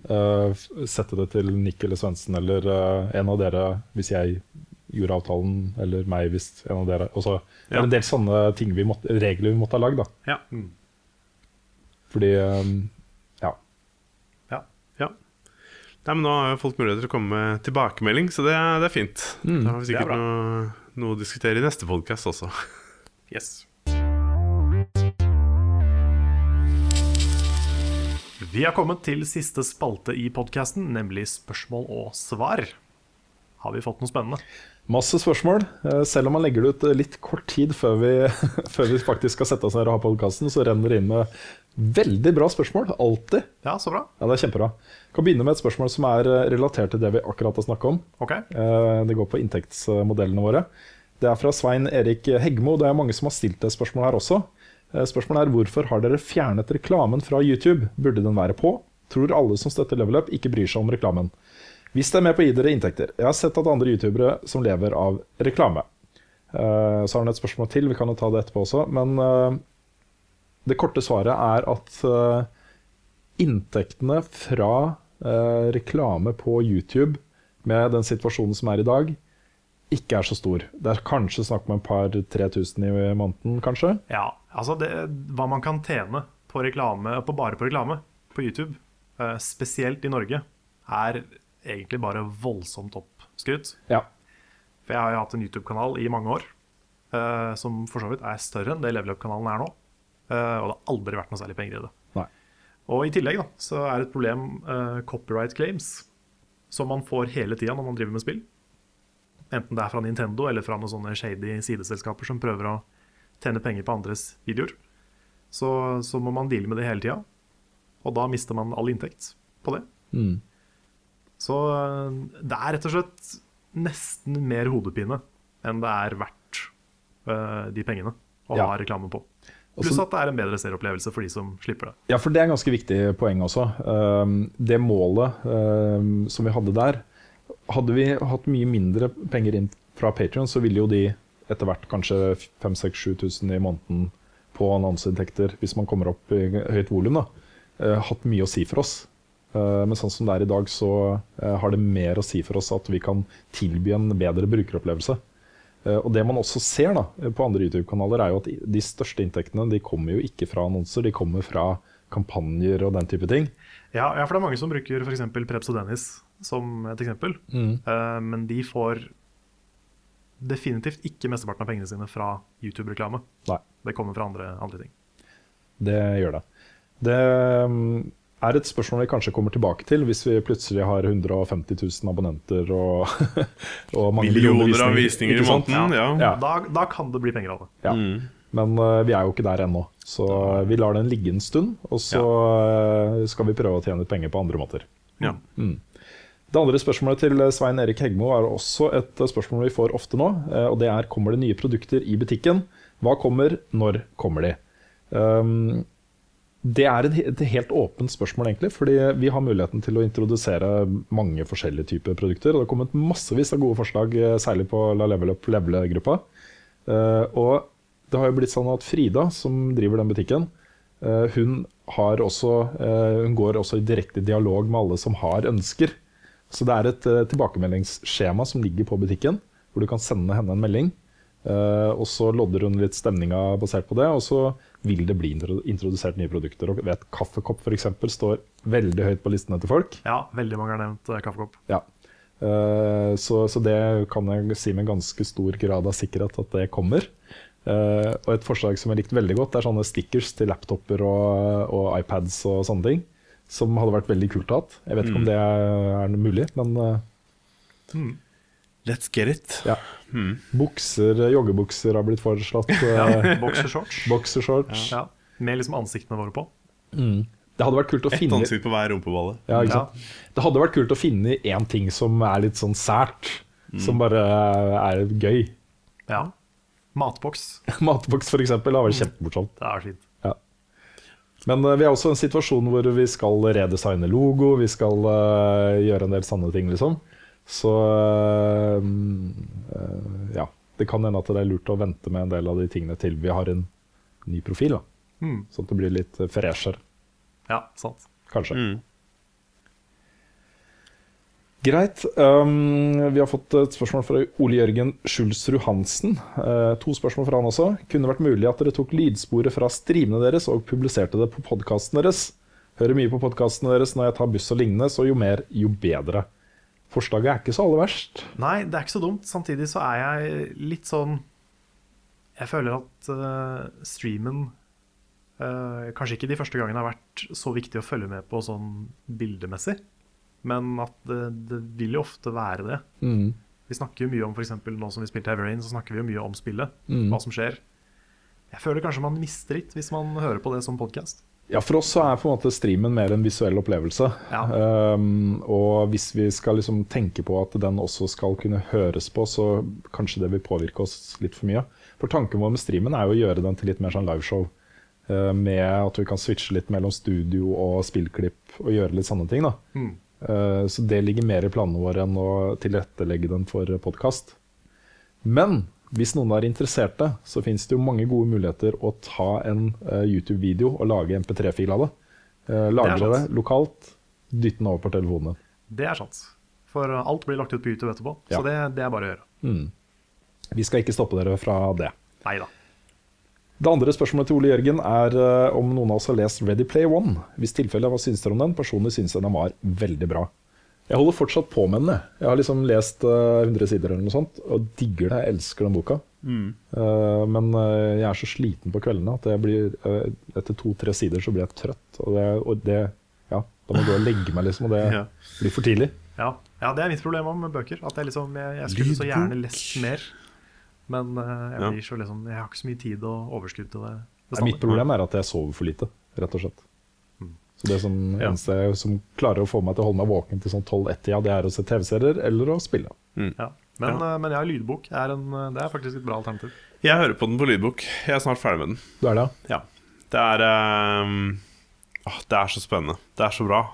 Jeg digger den boka så langt. Ja, den er en fantastisk bra historie. Nå blir det jo film eh, av Steven Spielberg og Ja. greier. Så eh, ja, jeg skal Det prøve å få lest den før den filmen kommer. Jeg lurer på om han kommer en ny bok. Jeg fikk en telefon fra tror jeg, de som sitter og oversetter den nye boka hans. Det er mulig okay. at jeg hørte feil, altså. Okay. Men spørsmålet var hvordan man vil oversette MMO på norsk. Oh, ja. Ja, for sånne telefoner har jeg også fått. Mm. Det er gøy, da. Ja, det det kommer sånne som sitter og Nei, det er over, hvordan oversetter du puzzle game? Ja. Liksom. Det er ikke så lett å svare på heller. Nei, det er jo ikke det. Puslespill. Ja Det er det som er spørsmålet. da Skal man Ja. si puzzlespill, eller skal man si Mm. Kan jeg ta et jeg spørsmål som er til meg? For jeg har lyst til å svare på det. Ja, Ja, gjør det. Det er fra Tarjei eh, Koglin. Uh, han skriver at han vet spørsmålet er ute på dato, men jeg må spørre oss fans imellom, siden jeg har glemt det tidligere. Hvorfor ga du Metal Gear Solid 5 terningkast 6? Jeg synes anmeldelsen din var noe mangelfull. Parentes, veldig ulik deg. Og kanskje litt fanboy-prega, da du dro nesten bare frem det positive med spillet. Etter min mening mangla det mye av eh, Metal Gear Solid-magien, som f.eks. kule Codex-samtaler, et bra plott og humoren. Litt merkelig også at Snake knapt har flere replikker enn Quiet. Hjalp jo heller ikke på at det har kommet frem i lyset at spillet er uferdig, noe som for øvrig var veldig tydelig med den brå og lite tilfredsstillende slutten, hvor du attpåtil må spille første oppdrag på nytt.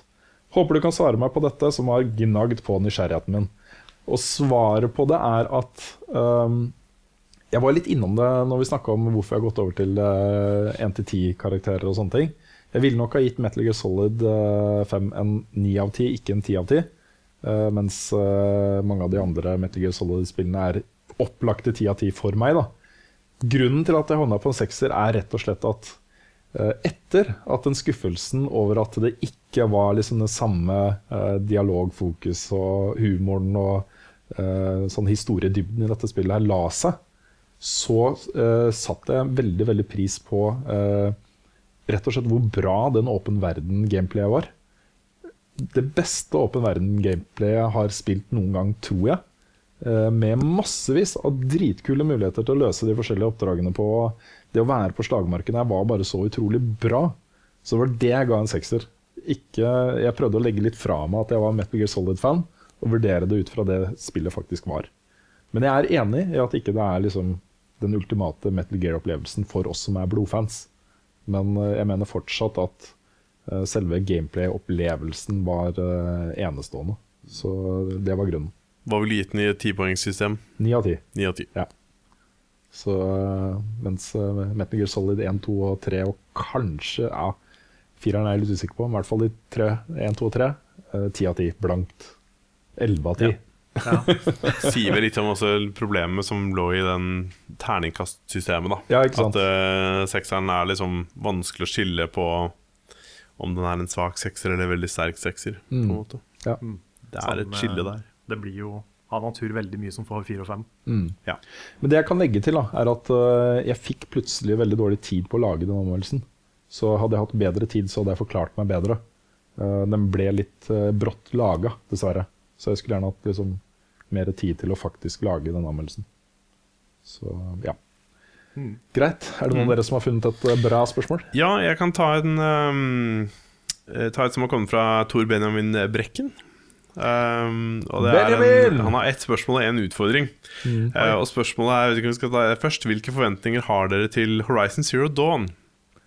Jeg kan nevne først at uh, Dette er jo da Benjamin som har lagd to fantastiske klassikerinnslag til oss. Det er det. Ja, og som vi nå er i en slags dialog med, fordi han har fortsatt lyst til å lage innslag til oss, men han vet ikke helt hvordan det blir, siden han fortsatt er ansatt av VGTV og sånt. Så Ja, Ja. sånn, han skal snakke litt med sine sjefer, og så ja. ja, for oss er det i hvert fall greit. For oss er det helt i orden. ja. Kjør på. Åh, jeg digga at de var liksom De var Benjamin. De Ja. var han, liksom. Det Ja. var en veldig unik stil på de, og han uh, var utrolig flink til å bruke seg selv. Og Mm. Ja. jeg elsker de innslagene. Så Ja. ligner det ikke så mye på de andre tingene vi gjør. Mm. Nei, det er sant. Han eh, klarte å lage noe veldig unikt og veldig kult, og seerne digga det. Og Ja, Han, er en, eh, han er en herlig fyr. ja, det er han. bra, bra fyr. Greit, Men men ja. forventninger til Horizon Ja. De er jo skyhøye. ja. Ja, Altså Det det, er jeg, er- jeg er litt redd for å snakke om det, fordi at eh, mine, mine forventninger til det spillet er så, er så høye at jeg er redd for å hype meg selv opp på feil måte. Ja. Jeg syns det er så utrolig deilig å se et studio som Guerrilla Games, som uh, liksom De har jo vokst seg store på Killzone. Yes. Bare bryte ut av det og gjøre noe helt annet. Ja. Det, det er uh, et godt tegn, bare det at de gjør det.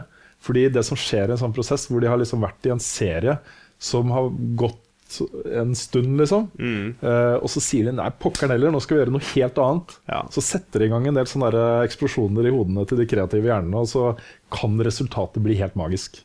Ja, ja gud bedre. Og jeg elsket jo spesielt Killzone 2.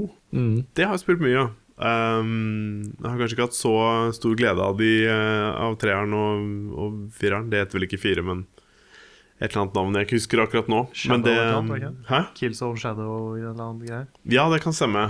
Uh, det var det som kom når uh, PS4 ble lansert. Ja, stemmer.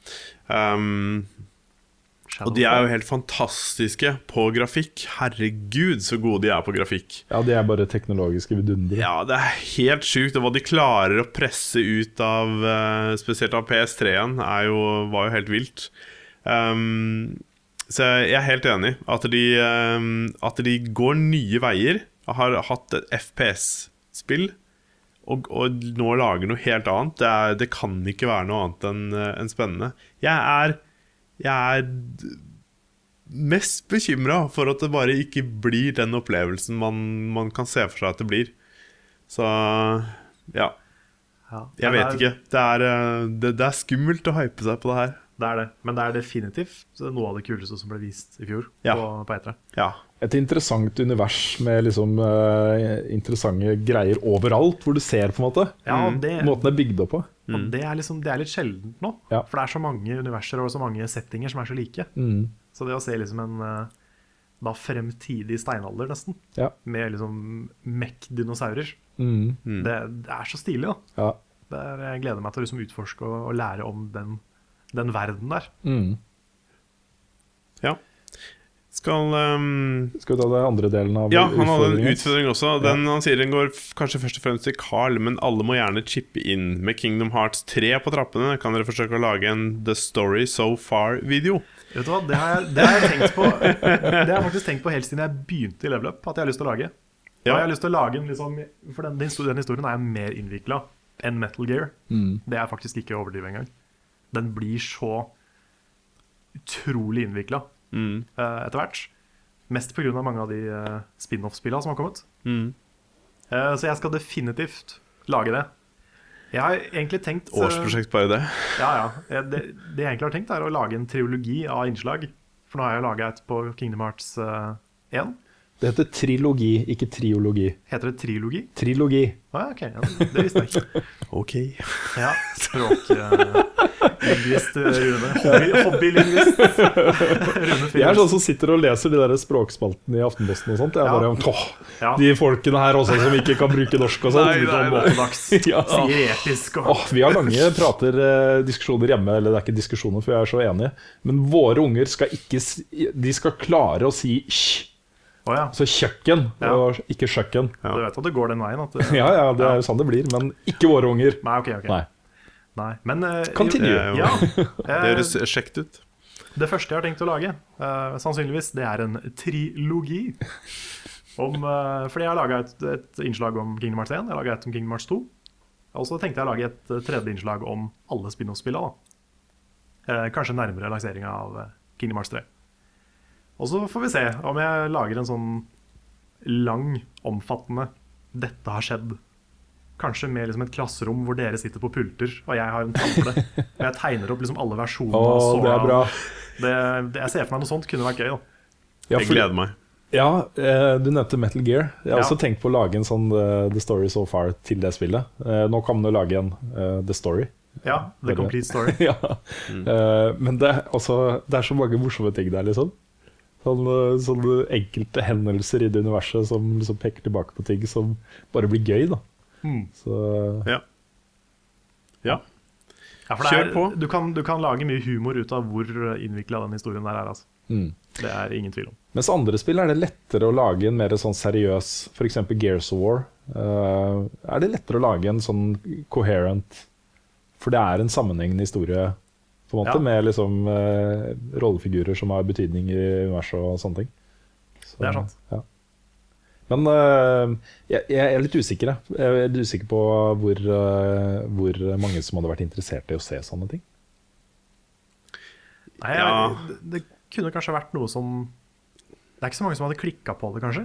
Nei, Men jeg tror mange hadde syntes det hadde vært gøy allikevel. ja, for jeg tror Hvis vi hadde klart å lage de underholdende, Ja, Og ikke nødvendigvis at det skal være en veldig eh, detaljert gjenfortelling av historien, men at vi kan kødde litt med det. Vi må jo kunne vært Ja, eh, for da tror jeg det fort kan bli kjedelig. ja. Ja, ja. Men, ja hvis man skal være um, veldig eh, Ja. Ja, veldig undervisning, så blir det kjedelig. Ja. Eh, Jeg har et spørsmål her fra Tobias Litterland, eller Litherland, jeg vet ikke. ja. Eh, Han spør om Kickstarter. Om vi har støtta noen spill på Kickstarter, og hva policyen vår er eh, på å gjøre det, med tanke på uavhengighet. Jeg har ikke gjort det, nettopp fordi, eh, fordi eh, det er litt i gråsonen. Eh, I hvert fall mens vi var i VG. Mm. Eh, Fordi det man Man kan se det som eh, Man kan se det som en Også separere den entusiasttingen fra sitt virke. Og si at jeg må få lov til å være fan av Team Shafer. Um, og det fins gode argumenter for at det er greit. Men det fins også gode argumenter for at den type um, pengebruk, da, altså at man faktisk gir penger til den type utvikling, eh, er med på å påvirke hva man skal dekke. Og at man liksom gir penger til en utvikler. Eh, det ligger noen greier der som er liksom i gråsonen, da, føler jeg. Ja, jeg, jeg ser den. Samtidig så kan man også bare se på det personlig som en veldig tidlig forhåndsbestilling. Så jeg veit ikke. Ja da, fordi det også er et greit argument. Eh, Jeg, jeg har eh, f.eks. hvis eh, noen av dere har backa et spill på Kickstarter, og da Jon Cato også gjorde det, det står jo navnet hans i rulleteksten på, på Team Shafer-spill, Ja, stemmer.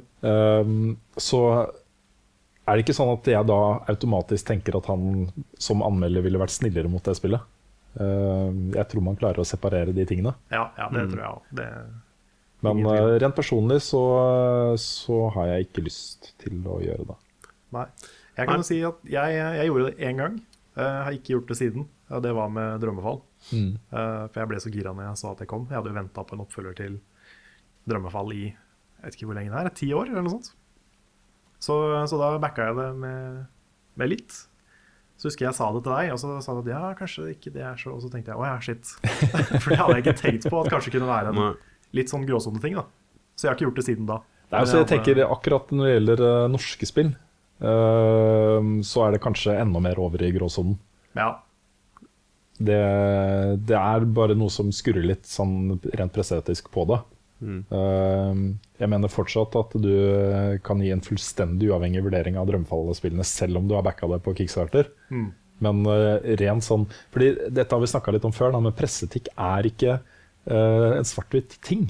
Presseetikk er liksom bare et sett med regler man har som skal uh, forhindre at folk stiller spørsmålstegn ved det du gjør, og det du mener.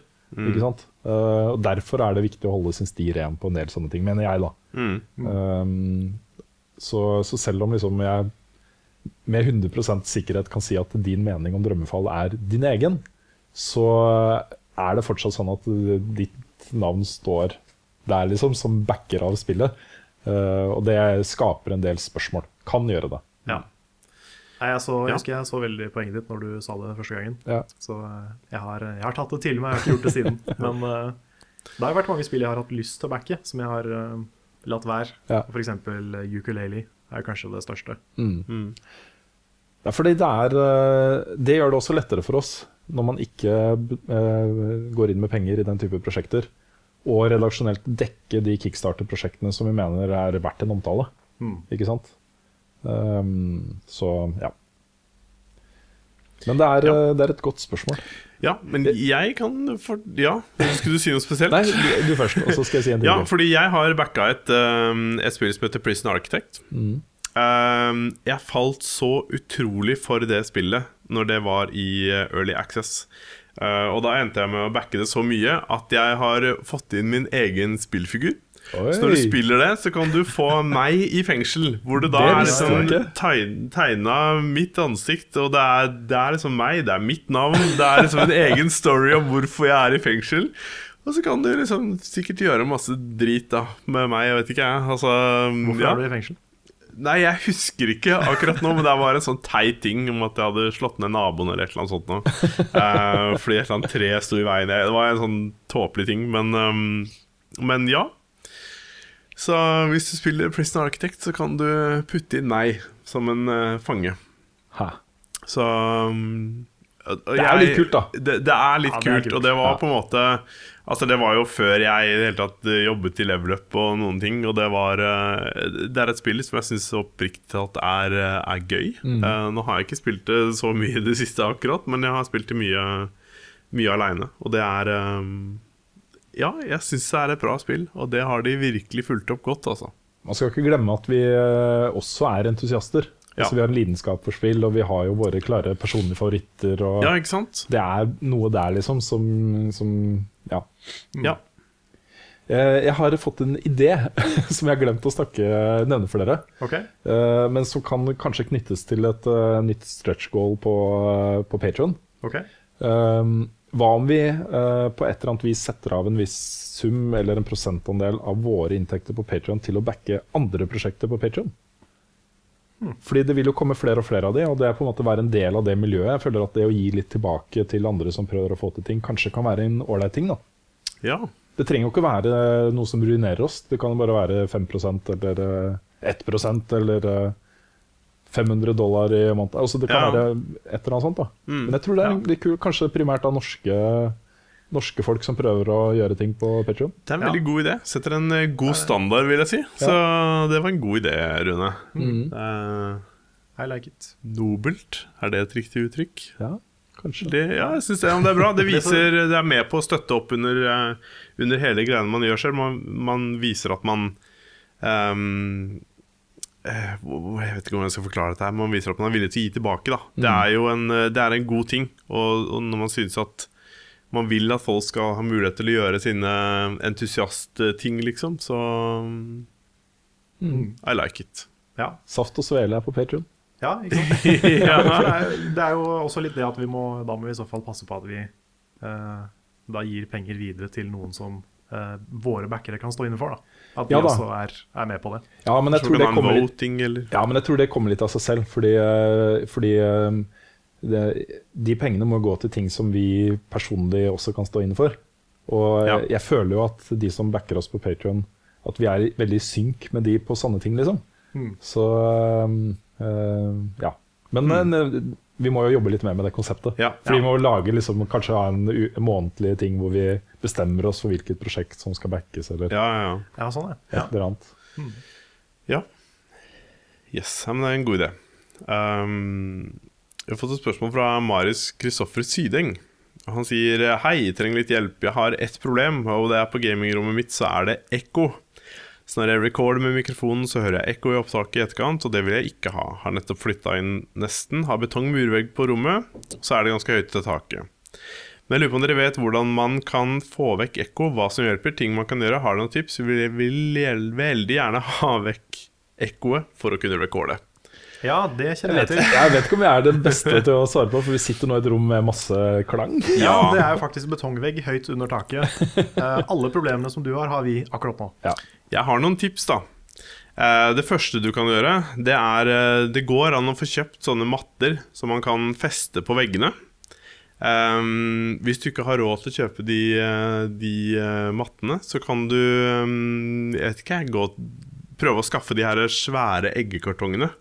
Hvor du får liksom sånn 24 egger. Åh, så så kan du bruke rom, det. Det blir ikke noe pent, men det er billig, ikke sant? Ja, ja. Dette er her er en sånn rekord hjemme, Rune.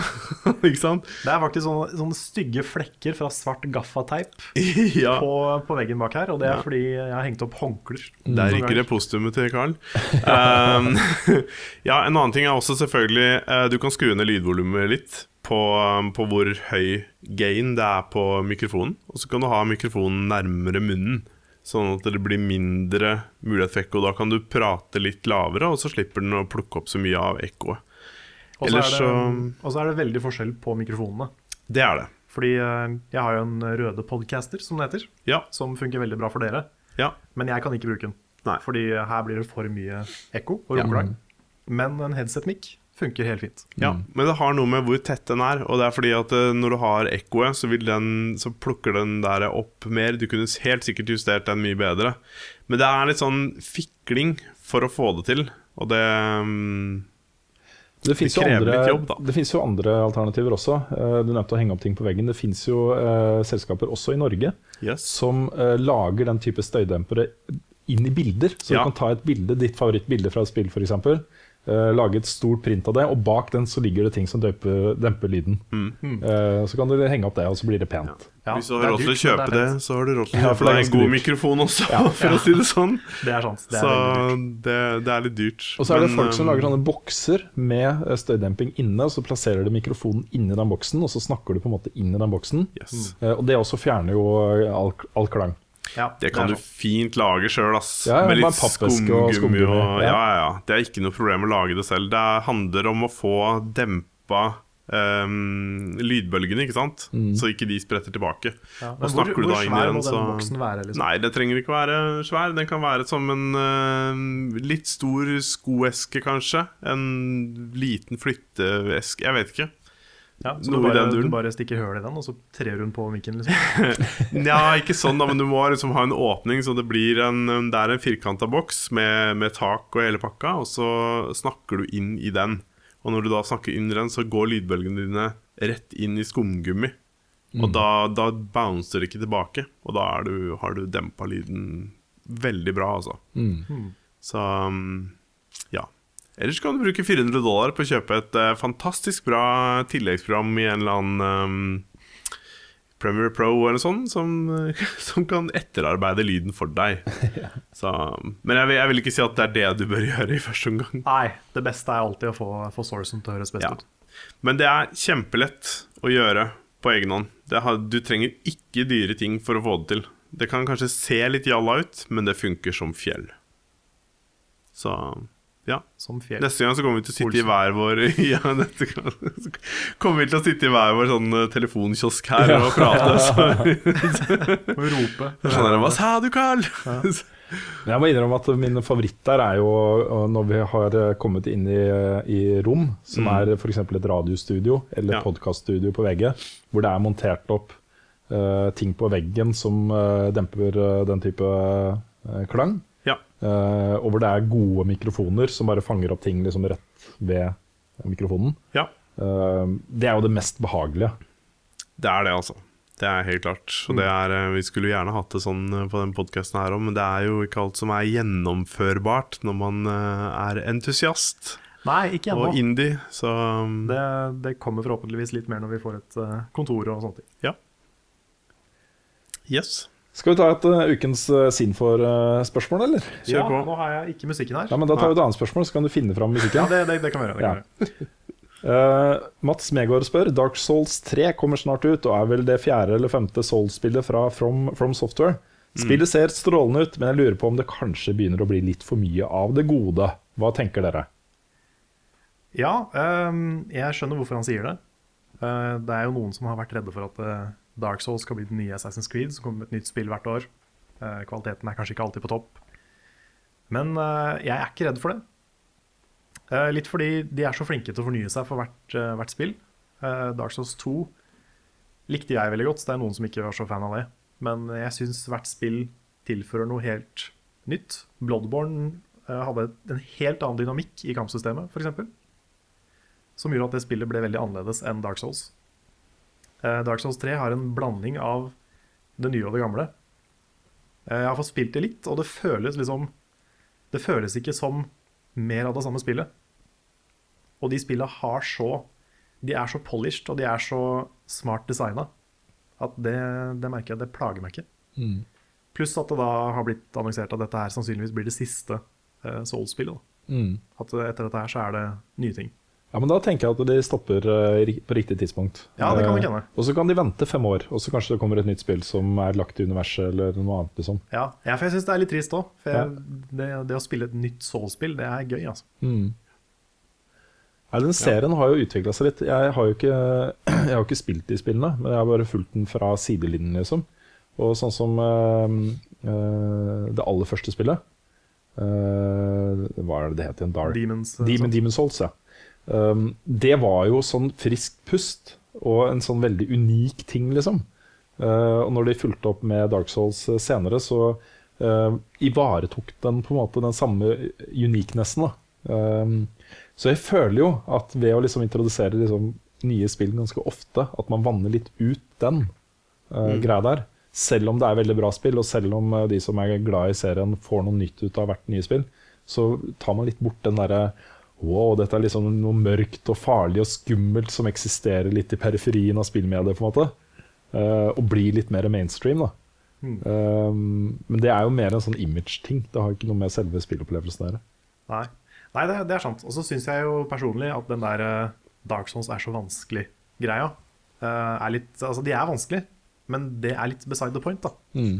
Jeg føler at det som er bra med Dark Souls, det er at de er så smart designa.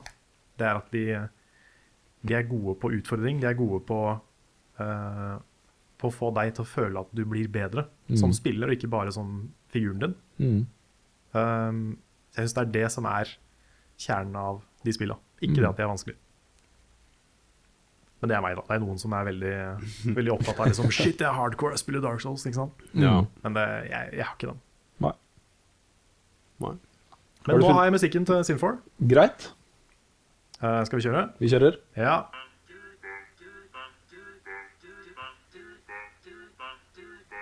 Ukens Sinfor-spørsmål.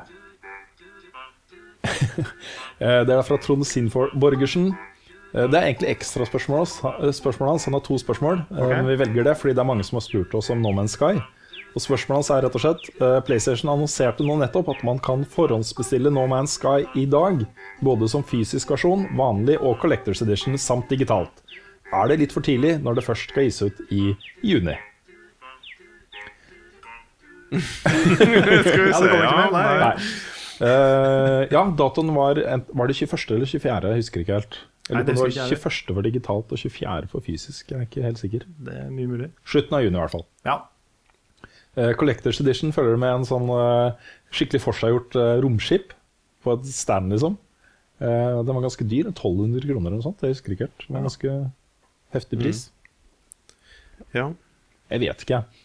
No Man's Sky er en sånn no-brainer for meg. Det er et spill jeg vet jeg kommer til å uh, spille. Uh, som jeg gleder meg til. Jeg vil egentlig ikke vite mer om det spillet nå før jeg setter meg ned og spiller det. Eh, så at det kommer en forhånds, eh, mulighet til å forhåndskjøpe det spillet, som det gjør med alle andre storutgivelser, uh, syns jeg er greit. Dette er en storsatsing fra Sony. Um, jeg er jo prinsipiell motstander av forhåndskjøp, så, men det er ikke, jeg er ikke noe mer motstander av forhåndskjøp av No Man's Sky enn andre spill. Nei. Nei, jeg jeg er litt omvendt av deg i forhold til det at uh, du du ikke vil vite mer. Jeg vil gjerne vite mer, for jeg vet fortsatt ikke helt hva det er. Jeg vet jo liksom ting som har blitt sagt uh, på messer og sånne ting, om at det er så stort og, og så videre. Men jeg, jeg trenger å vite litt mer om hva du skal gjøre i det. Hva er liksom oppgaven din som spiller? Nå spiser jeg dent. Hvis det smatter litt mye nå, så Ja. er det derfor. Mm. ja.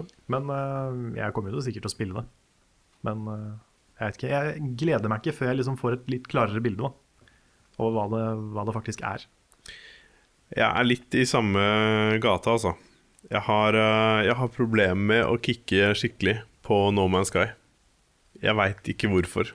Det er ikke Selv om det er Space Exploration, så er det sånn Jeg vet ikke hvor interessant jeg syns det er. Jeg, jeg, Deg om det. Ja, meg om det. Det er eh, kanskje litt kjedelig. ja, nei, det er, um, jeg syns jo det er interessant sånn setting og, og stilmessig. Men jeg, jeg må vite hva, hva som skjer i det. Ja. Hva skal man gjøre i det? Ja, det er liksom? akkurat det. Det er liksom det det er å bare utforske de planetene og sånn, det kan jo selvfølgelig være spennende i seg selv, men det må, det må jo være noe mer. Ja, men det er jo noe mer. Ja. Eh, Jeg tror, jeg tror ikke de vil snakke så mye om det heller. Nei, Fordi det er sånn, eh, for meg så er primærgreia med det spillet utforsking. Det å utforske galaksen og det å på en måte være, altså, komme på planeter ingen andre har vært på Uh, og sånt. Uh, men uh, jeg leste jo f.eks. Uh, Erik Fossum har vært i Pressfire, har vært i London på et PlayStation-event hvor han fikk spille No Man's Sky, Ja. og han møtte aliens. Så det er, Ja. litt, det er sånn ting i dette universet her. Og også sett på de andre gameplay-demonstrasjonene av spillene, så har det kommet til liksom, liksom mystiske installasjoner på de planetene som det er et eller annet med. Du vet ikke helt hva. Jeg kan sammenligne litt med de totemene i, i The Witness. Også, det er noe der som, som ligger der, ja. som, uh, som er det. Og så har du et mål som vi vet, og det er å komme til uh, universets sentrum. Ja. Um, så jeg tror det ligger noe der. Og så eh, fant, I hodet mitt så bygger det seg opp sånne ting som å, eh, Hvor kommer vi fra? Hvem er vi? Eh, hva er meningen med livet? Også det er mange sånne, tror jeg, sånne astrofysiske spørsmål som kommer til å være sentrale i dette spillet. her Men som man kanskje da må liksom grave fram på egen hånd underveis. Mm. Ja, for, for sånne ting er spennende. Det, det hadde jeg også kikka på. Men jeg bare Det er ikke sikkert det er der. Nei, det er det. Det er, Ja. det er akkurat det. Så det er derfor jeg ikke blir så hypa ennå. Jeg skal se om jeg finner et, eh, et eh, relatert spørsmål som jeg har lyst til å svare på. Um, ja, Vi kan kanskje ta det etterpå, for jeg, jeg finner ikke nå i farta. Det er så mange spørsmål her. Det var en Ja. som skrev noe rett under, da. Um, Kevin Aleksandersen. hadde lurt på Nå har jeg fått dato og pris, at den ligger på 549 kroner. Og hva dere syns om den prisen? Det er vel standard eh, Ja.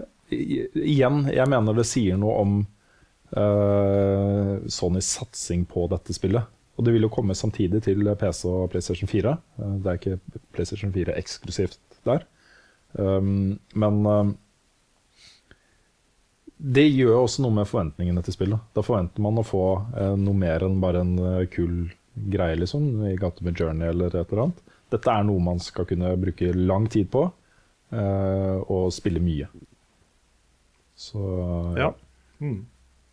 Vi kan ta et veldig, et veldig lett spørsmål fra Simen Meisdal. Han spør hvilken stjerne vi syns var vanskeligst å ta i Super Mario 64. Og om vi fikk alle 120. Jeg kan jo begynne. Jeg har spilt det spillet gjennom 100% veldig mange ganger. Så jeg har fått 120 stjerner relativt mange ganger. Jeg hadde ikke så mye fint på når jeg var liten og hadde Nintendo 64, så da ble det mye Mario. Men Ja. jeg tror kanskje den vanskeligste er den der 100 penger-stjerna inni klokka. For der er det så mange steder du kan dette ned. Eller, eller Rainbow Road. Eller Rainbow Ride, Ja. heter den kanskje. Den klokkegreia tror jeg faktisk jeg har sett på uh, Game Grumps uh, Ja. loke med. Jeg har ikke spilt uh, det spillet sjøl, så ja. Nei, det, jeg har ikke spilt det siden uh, Var det 96 det kom ut? Ja, noe sånt. Ja, jeg har ikke spilt det siden, så jeg husker ikke. Du har ikke det? Nei. Nei da Kan faktisk anbefale å gå tilbake til det. Det er gøy. Fortsatt. Ja. ja. Mm. ja. Skal vi se, jeg prøver å finne det der eh, spørsmålet. Ja, som var relatert til uh, No Man's Sky. Ja, jeg kan, vi kan eh, finne det sikkert til slutt. Ja. Uh, vi kan ta et spørsmål som vi snakka litt om før sending også, fra Thomas André Simonsen. Uh, et kritisk spørsmål til, egentlig til deg, Lars. Ok. Eh, han skriver så anmeldelsen av Firewatch her om dagen og diskusjonen etter, veldig bra gjort. Alle teoriene til Storm-Lars var som klipt og limt fra Geek Remix sin YouTube-video. Lager dere nå innhold basert på andre YouTubers videoer, ikke gi de anerkjennelse og presentere det som deres egne ideer, eller er det bare jeg som tar feil? Ja, nå fikk jeg lyst til å si Det at var uh, hardtslående, Lars. Ja, nå fikk jeg lyst til å si at ja, det er sånn jeg gjør det. Ja. uh, for å gjøre det enkelt. Nei, altså ehm, Jeg har spilt Firewatch eh, seks ganger. Jeg har spilt det aleine, jeg har spilt med venner, jeg har spilt det med Nick. Jeg har spilt det med eh, Ja, eh, i det hele tatt. Eh, vi har diskutert masse om ting og tang rundt dette spillet her. Eh, jeg lagde jo en sånn teorigreie på min egen kanal først. Eh, hvor jeg hadde med meg en kompis og gjorde det. Um, I etterkant av den så ble jeg presentert den videoen det er snakk om her. Jeg antar at det er den.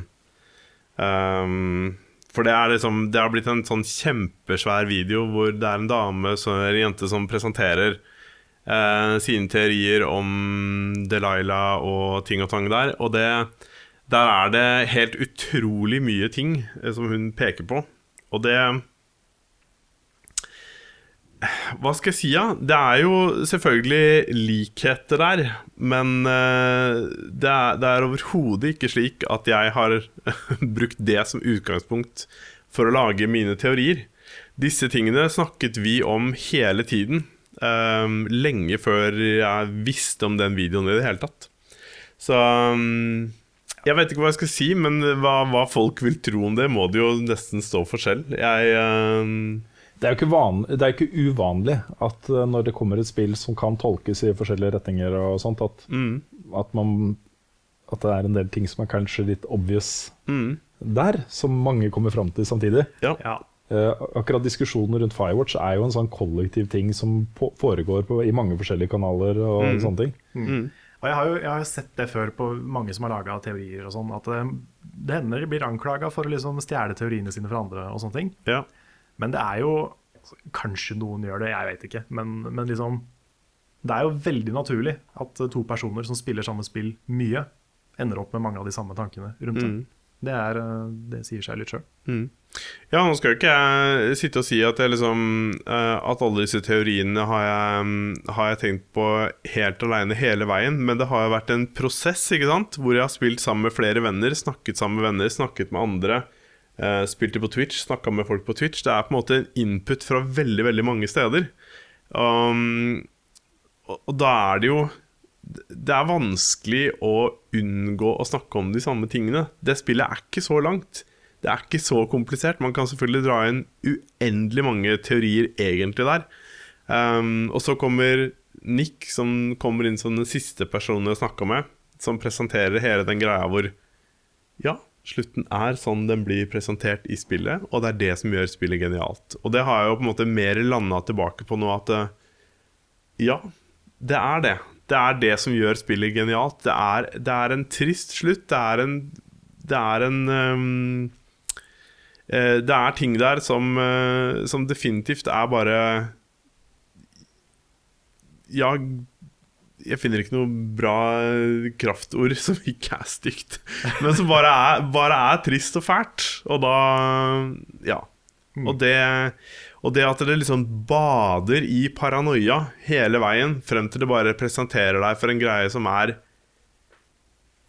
Som er tåredryppende og vond, liksom. Den, det blir et antiklimaks, fordi det, det føles for lite ut. Uh, og det er jo derfor man begynner å tenke liksom Det var jo spillet sjøl som fikk meg til å tenke på at Delaira var skyldig. Så allerede i den andre gjennomspillingen så spilte jeg på at liksom OK, hun er med på et eller annet. Jeg skal ikke fortelle henne noen ting om mitt liv, så får jeg se hvordan hun reagerer da. Så, men det er punkter i spillet der som allikevel klarer å trekke fram Som du ikke kommer unna, for spillet selv eh, gjennomfører de tingene, enten du bevisst selv går inn for å gjøre det, eller ikke gjør det. Så Ja. Nei, jeg har um, Jeg har dessverre ikke henta teorien min fra, fra, den, fra den videoen. Men uh, At det kan være mye likt. Men hvis man hører på det jeg og Nick snakker om, så er det veldig mye som ikke blir tatt opp, og veldig mye ting Altså, vi hadde jo en Vi satt i flere timer før vi recorda det, og både spilte gjennom spillet og prata om ting, og prøvde å koke det ned til hvor lite vi skulle ta med. For vi kunne sitte og prata i en time, i hvert fall. Mm. Og, det, og vi prøvde å holde det til 10 minutter, og det blei 20, liksom. Så um, Det er, litt, det er litt morsomt, for eh, jeg spilte jo eh, en lang Let's Play av Life is Strange Mm. på YouTube-kanalen min. ja. Um, og da sitter jeg og prater mens jeg spiller. Ja. Uh, tenker høyt om hva jeg tror kommer til å skje og sånn. ja. Der også var det flere steder som bare Du, du har sett på Geek Remix, uh, liksom. Fordi de trodde ikke på at jeg liksom tenkte de tinga også, da. Det var eh, Hvorfor ja. Jeg, jeg vet Nei. ikke. Det er, det er altså sikkert, hvis, hvis det høres likt ut, så kan det sikkert være lett å tenke det, men eh, det er altså Ja. Det jeg i hvert fall kan si, da, sånn generelt uh, sånn policymessig Hvis vi uh, uh, siterer noen, eller henter informasjon fra et sted, så skal vi kreditere. Jeg skulle akkurat til å si det at jeg kan garantere at hvis jeg skal hente noe som er direkte fra, fra noen andre som ikke jeg har uh, diskutert med noen, i hvert fall hvis det er noe offentlige ting, så skal jeg kreditere det. Det er viktig. Det, Det er et viktig ja. journalistisk prinsipp. Men det er sånn Jeg Ja, nei. De får tro hva de vil. Jeg vet ikke hva jeg skal si. Det der var uh, Nei, det, det viktigste er at, uh, at nei, vi har ikke stjålet noe, og Nei. hvis vi tar noe fra noen eh, noe sted, så vil det bli kreditert. Ja. Og hvis du spiller det spillet mange ganger, så vil jeg tro at det er mange som klarer å komme fram til de samme teoriene som vi har hatt, altså. For det er ikke Jeg var ikke alene med å ha, ha de, og det var, det var andre Det var venner av meg som satte meg inn på disse her disse, mange av disse sporene som, som handlet om hva som kunne skje der. Så mange av de var litt far out. Mm. Men ja, nok om det. Vi kan ta et spørsmål fra Øystein Borge Enga. Eh, er det noen planer om review av de diverse VR-headsettene som nå treffer markedet? Uh, Mannen i gata har jo ikke sjanse til å kjøpe alle, skriver han. Eh, Nei, det, det er ikke sikkert kanskje vi heller har det. Nei, men eh, jeg har jo fått etablerings... eh, Ja, stemmer det. ja. Og det å kjøpe VR-headsets eh, faller godt inne under hva som, er, hva som jeg kan få penger til å kjøpe. Nå skal det jo også sies at de 135 000 kronene som det er, må jeg skatte av. Så alle de tingene jeg kjøper på, som etableringsstøtte, koster meg tusenvis av kroner i skatt. Bare så det er sagt. Ja. Eh, Så kanskje vi kan få til en ordning hvor eh, et eller annet penger ut fra selskapet Et eller annet, liksom. For det kommer til å bli dyrt. 135 000 kroner tilsier at jeg kanskje må betale sånn 50 000 kroner ish i skatt. Ja. Det er mye penger.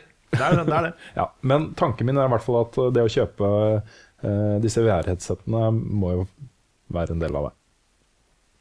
Og hvis ikke, så er det ting vi hadde brukt penger fra andre inntekter til å kjøpe. Fordi det er viktig, vi må følge med der. Mm. Ja, det, det, er viktig det å være relevante på det. Mm. Jeg ser f.eks. på uh, den jurieringa jeg skal gjøre til, uh, til uh, Nordic Game Awards. Så er det enkelte spill som er VR, og da, det har jeg jo ikke. Så da må det jo også gjøres et eller annet for at jeg skal kunne vurdere det. Mm. Så, men det er et godt spørsmål, fordi selvsagt, dette er en uh, forbrukerting som er viktig å mene noe om, syns jeg. Ja, sant. Mm. Uh, vi har et spørsmål her fra Håkon Brostigen. Kjære Carl og Runar. I likhet med Stram-Lars har jeg ikke satt meg inn i Zelda-universet i like høy grad som jeg kunne tenke meg. Jeg har, lite, jeg har en lite brukt Wii U stående og har lyst til å teste et Zelda-spill. Hvilket? Godt spørsmål. Ja. Man kan jo begynne nesten hvor som helst. Man kan det. Hvis du har en Wii U, så vil jeg kanskje si Windwaker. Mm. Jeg vil tro det er et bra sted å starte. Mm. Samtidig så er det som for eksempel da, uh, Twilight Princess, som kom nå, er det jo litt delte meninger om. Jeg tror at hvis det er det første Zelda-spillet du spiller, så er det awesome. Mm. Nesten uansett. Ja, det, det er nok sant. Så, så, jeg vet ikke. Men Windwaker er jo mitt favoritt-Zelda-spill. Uh, selv om mange, de fleste kanskje, ender på Ocarina of Time. Uh, så tror jeg det handler også mye om da det kom, så var det så utrolig mye bedre enn det meste, liksom. Ja. Så, ja, så er jo sånn sett er Twilight Princess det spillet som er nærmest Ocarina of Time. Ja. Sånn i uh, oppbygging og, og sånn. Mm. Så du kan, vel, du kan, vel, egentlig begynne hvor du vil, men jeg ville, jeg ville ikke begynt på Majora's Mask. Det er vel kanskje det spillet du ikke burde begynne på. Ja, det er sant. Men utenom det så kan du gjøre nesten hva du vil. Ja, og så er jo håndholdte Zelda-spillene også fantastiske. Der er det jo masse bra. Ja. Link Between Worlds er jo det nyeste som har vært veldig bra. Mm. Yes. Men det er, jo, altså det, er en, det er jo et narrativ her, også en, en sammenhengende historie. Altså De Zelda-spillene foregår i måte det samme universet, men ikke på samme tidspunkt. Men uh, linken mellom de forskjellige historiene er ikke så viktig. Det er på en måte den samme historien som fortelles nesten hver gang. Uh, det er på en måte innholdet, gameplay-innholdet i de forskjellige spillene som, uh, som skiller de. da. Så du går ikke glipp av noe viktig, føler jeg, hvis du starter hvor som helst i kronologien der. Ja. Nei. Nei, det, det er sant. Um, Jepp. Um, Martin Skoglund spør Ratchet and Clank til PS4. Tanker rundt det? Ja, det er jo du som er mest kjent med den serien. Rune. Ja, jeg elsker den. Jeg elsker den, Og særlig starten. Eh, de første tre spillene i den serien er eh, klassiske spill, altså. Mm. Fantastisk gode. De er veldig bra. Ja, og Ratchet Clank 1 egner seg veldig godt til en remake. Mm. Eh, dette har jeg snakka om før, men det er så mange elementer der som Uh, man, for jeg har ganske nylig spilt HD-remaken, den eh, forrige som kom. Liksom, var mer sånn oppussa versjon. Mm. Um, og da ble det litt tydelig at liksom, den comic timing og en del sånne ting ikke var like bra som i senere spill i serien. Uh, litt røffere i kantene og sånne ting. Men rent gameplay-messig så er det kanskje det beste spillet i serien. For det var mye større, vanskeligere å finne de skjulte gullboltene Det heter ikke bolter på norsk. Uh, dette har vi diskutert før, ja. um, for å si det sånn. Bolts er jo skruer og muttere ja. på norsk. Ja. ja. og så sånne metalldingser, ikke sant. Ja. Eh, Gullmuttere. ja, ja, gullmutter er kanskje det beste ordet, fordi det er en mutter. Ja, Det kunne også vært en, en gullmamma. Ja, eller gullfatter. ja. Mm. Uh, men det, det, er var greit, liksom, det var det kuleste elementet i det første spillet. Det å finne de uh, gullmutterne. For du kunne bruke det til å oppgradere våpnene dine til gullversjoner. Ja, Det høres ut som du samler på mamma. ja. Gullmutteren. Altså. Jeg så et fantastisk bilde på Injury i dag. Um, det var uh, liksom bilde av en sånn fatsuit som du kan ta på deg. Um, og teksten var noe sånn som uh, I bought this fatsuit to better understand how it is like to be your mom. Oi. Ja, jeg syns det var morsomt. Ja. Akkurat. Ja. Eh, Jeg fant et veldig bra spørsmål her fra Jo, men jeg er ikke helt ferdig. Nei. Oh, nei. Fordi det kommer jo en remake. Ja, og ja, en film, det. film, en kinofilm. Ja. Stemmer, stemmer. Ikke sant? Og det er rett rundt hjørnet. Det kommer nå i april, Stemmer. tror jeg. Uh, jeg. Jeg gleder meg veldig. Det blir et event for meg. Ja. Både å se filmen og spille spillet. Så, Ja. Og så blir det en fin måte å introdusere nye folk til serien, fordi god damn, altså, det er en bra serie. ja, det er det. Jeg koser meg glugg i hjel med Hva var det siste jeg spilte? Crack in Time. Ja. Det er så, det er så bra, altså. Mm. Så det her er da et spill basert på filmen, basert på spilla. Noe sant. Ja, spennende. Mm. uh, jo, et uh, veldig bra spørsmål fra Vemund Holvik Hansen. Han spør hvis vi hadde vært lærere, hvilket spill ville vi ha brukt, og hvilken måte ville vi brukt det på som læreverktøy? Ja, se det, ja. Jeg har eh, ikke satt meg så veldig inn i eh, eh, hvordan spill brukes i undervisning, må jeg innrømme. Jeg vet det finnes noen veldig gode, uh, f.eks. Dragonbox, som lærer, lærer folk matte. Et norskutvikla spill som er kanonbra. Mm. Um, du har Kahoot, som er et quiz-spill som kan brukes til hva som helst. Eh, men utover det, liksom, så må man jo bruke litt fantasi, da. På å bruke f.eks. Assassin's Creed til å lære folk om korstog, eh, korstogene. Mm. Eh, men det er jo fullt mulig å gjøre det. Ja. Jeg ville nok gjort eh, som mange lærere gjør, å bruke Minecraft. Til både liksom å la barna samarbeide om felles prosjekter og sånne ting. Det er, det er mye, mye spennende man kan bruke Minecraft til av sånn teambuilding-type ting. da. Teambuilding var veldig voksent. men, Ja, eh, veldig voksent. Veldig, veldig voksent Vi må ha sånn teambuilding-kurs for oss. Ja, sånn der hvor vi skal, vi skal fange hverandre og sånn. ja. Ja. Ja. By- Bygge lavvo.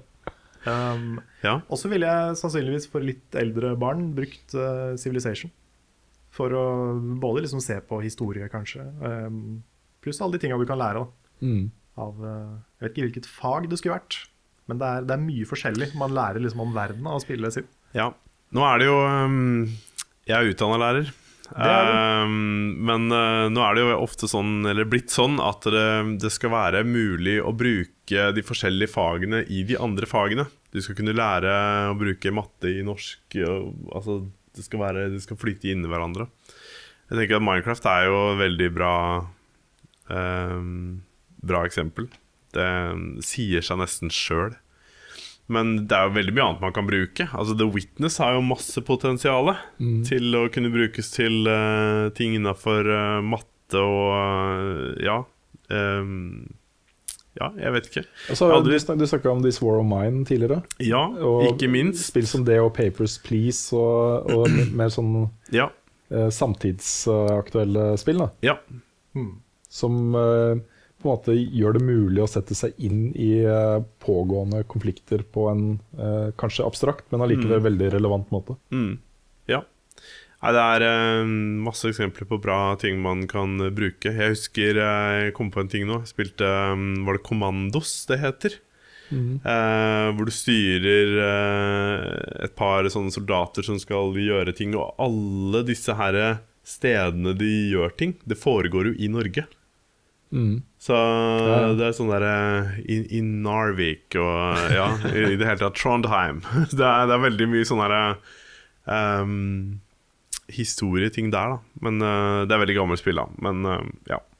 Nei, det er, eh, jeg tror det er mye du kan, eh, kan bruke der. Det viktigste er jo å relatere det til um, I forhold til um, Til faget og hva man ønsker å få elevene til å Til å lære, til å føle, til å Ja, jeg vet ikke. Apropos Trondheim. Yes. Har dere sett den der, det klippet fra X-Files når de er i Norge? Og møter han der eh, fiskeren Er eller hva dette, det er for noe. dette Ja, det er fra den gamle første serien. gamle Ja, det er serien? gamle serien. Ja. Jeg har sett den. Ja, um, møter han gamle fyren som bare Hi, I'm Trondheim. Ja, det er de som ikke kan det. De snakker ikke norsk i det hele tatt. Nei, Gjør de det det? er, det er sånn- amerikanere som skal snakke norsk. Ja, det er jo ikke bra. Det er, Men, men, det er eh, kjempegøy. Den er det lenge siden jeg har sett, altså. Så jeg husker ikke. Jeg har ikke sånn gode bilder fra hvordan det var, men uh, Nei, det er en sånn veldig dramatisk scene nede i en sånn uh, Jeg tror det er inne på en båt ja. hvor de sitter og er fanga. Ja.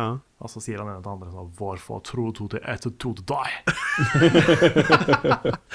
Og du bare Hæ? Ja, det, det, det er mange gullkorn i den. Det er veldig kult i The Thing, John Carpenter-filmen. Ja. Der snakker de norsk. Stemmer det?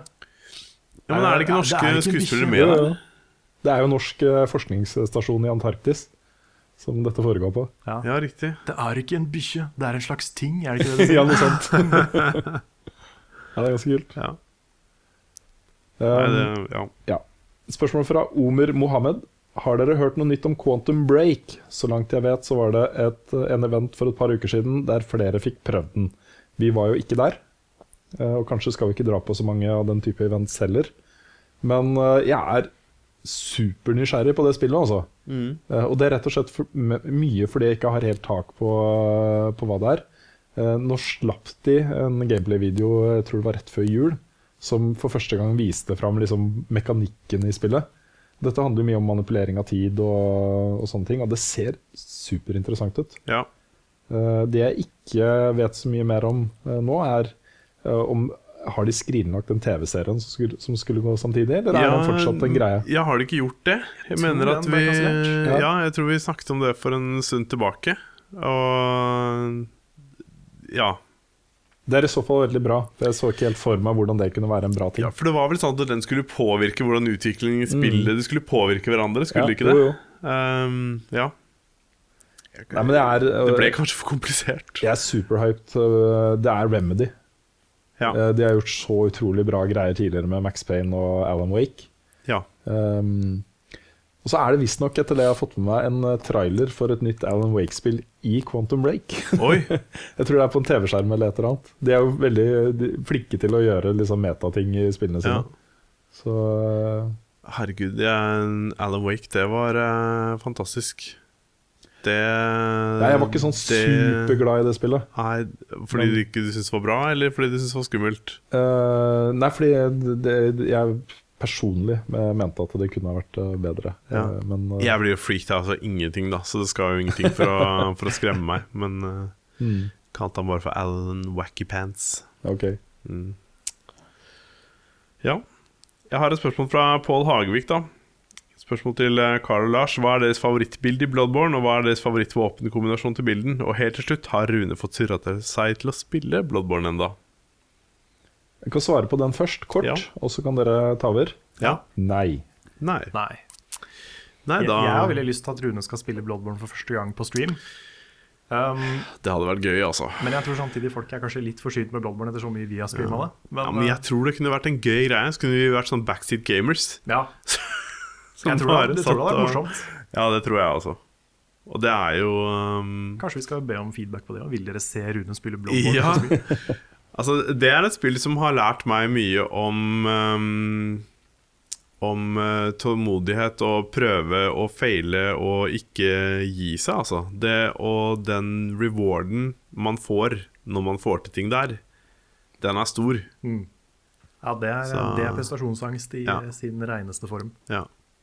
Men jeg kan si kjapt uh, min, uh, min build. Jeg har veldig tendens for å gå strength build. Fordi jeg synes at det er uh, Det er mest um, Jeg vet ikke om det er så aggressivt, kanskje, men jeg føler at det er veldig, veldig hardtslående. Og da Jo, jeg vil vel si at det er mest aggressivt, for jeg har prøvd å gå skill, og det krever veldig mye at du Um, at du er flink til å dodge, at du er flink til å, um, eh, å, flytte deg i de kampsituasjonene du er i, sånn at du faktisk kan uh, få inn noen slag her og der. Du gjør jo ikke like mye skade, Nei, sant. men du er ganske kjapp da ja. Så når du er uh, skill-bilda. Ja, jeg, bruk, jeg var jo alltid strength uh, først, Mm, uh, og så gikk jeg gradvis over til uh, å prøve skill builds. Da. mm, Um, og jeg sleit veldig lenge med det, mm, men plutselig så bare begynte jeg å skjønne det. ja, Og nå er kanskje skill builds med Blade of Mercy eller Rakuyo ja, noe av det kuleste for meg. ja. Jeg er helt enig, for jeg har også gått over, uh, gått over til den jeg endelig, etter sånn sju timer, klarte å ta den bossen som hadde det våpenet. Å, fy fader, altså. Da Så etter det så er det bare sånn Ja, dette Dette er det, det er gøy. Da er du mye Du er kjappere, du er mer Eh, du er mer agile. Hva er norsk ord for det? Eh, Kjappere. Ja, eller bevegelig. Smidig. Smidig, ja. Ja, ikke sant? Så um, ja. Nei, um, det, det, jeg liker variasjonsmulighetene der, i hvert fall. Mm. Så, men det er ja. Ja. I utgangspunktet strength build for min del. Skal vi runde av med noen spørsmål eh, som er mer sånn hvordan det går med oss og hva vi driver med? Ja. Ja, det kan vi godt. Det kan vi, godt. Eh, For vi må jo tenke på å runde av den podkasten her nå. vi må det. det. Nå har vi sittet ja. Jeg skal f.eks. Uh, stikke og finne ut om jeg er døende. Ja. Jeg tror Ja. ikke du er det. Altså. Jeg tror ikke det heller. Nei. Følg med i neste begynner med et spørsmål fra Frida Tørring, Ja, vår uh, Ikke sant? Ja, som lager T-skjortene våre. er det ikke det? stemmer. Mm. Ja. Eh, hvordan liker dere gründerlivet så langt? Det er veldig, veldig spennende og litt skummelt. Mm. Er kanskje. Eh, Min, min store ting som eh, holder meg våken om nettene, er, er den eh, biten som vi ikke har gjort ennå, som handler om å etablere selskapet. Eh, de, alle de praktiske tingene vi må gjøre der. Eh, Finne en regnskapsfører, eh, sette budsjetter, eh, sørge for å bokføring av utgifter og inntekter og alle de tingene der. Som fortsatt er et sånt sort hull. Jeg klarer ikke å få tak på det. Jeg vet ikke hvordan det er. Nei. Så, eh, men eh, vi er jo i en eh, heldig situasjon med, med at både du og jeg Carl, har sluttpakker. Så vi får jo vanlig lønn og en god stund framover. Eh, Så vi, det er ikke noe superstress med de tingene. Men vi har vært på jæskla mange møter. Veldig mange møter. Massevis av potensielle og interessante og mindre interessante samarbeidspartnere.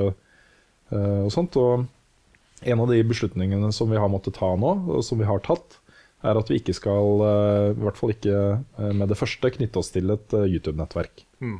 Så noe, det blir ikke noe level up hos Play eller Nordic Screens med det første. Nei, og det var jo ingen lett beslutning å ta. Det var jo noe vi måtte vurdere veldig seriøst. Mm. Og vi kommer nok tilbake til den vurderinga seinere.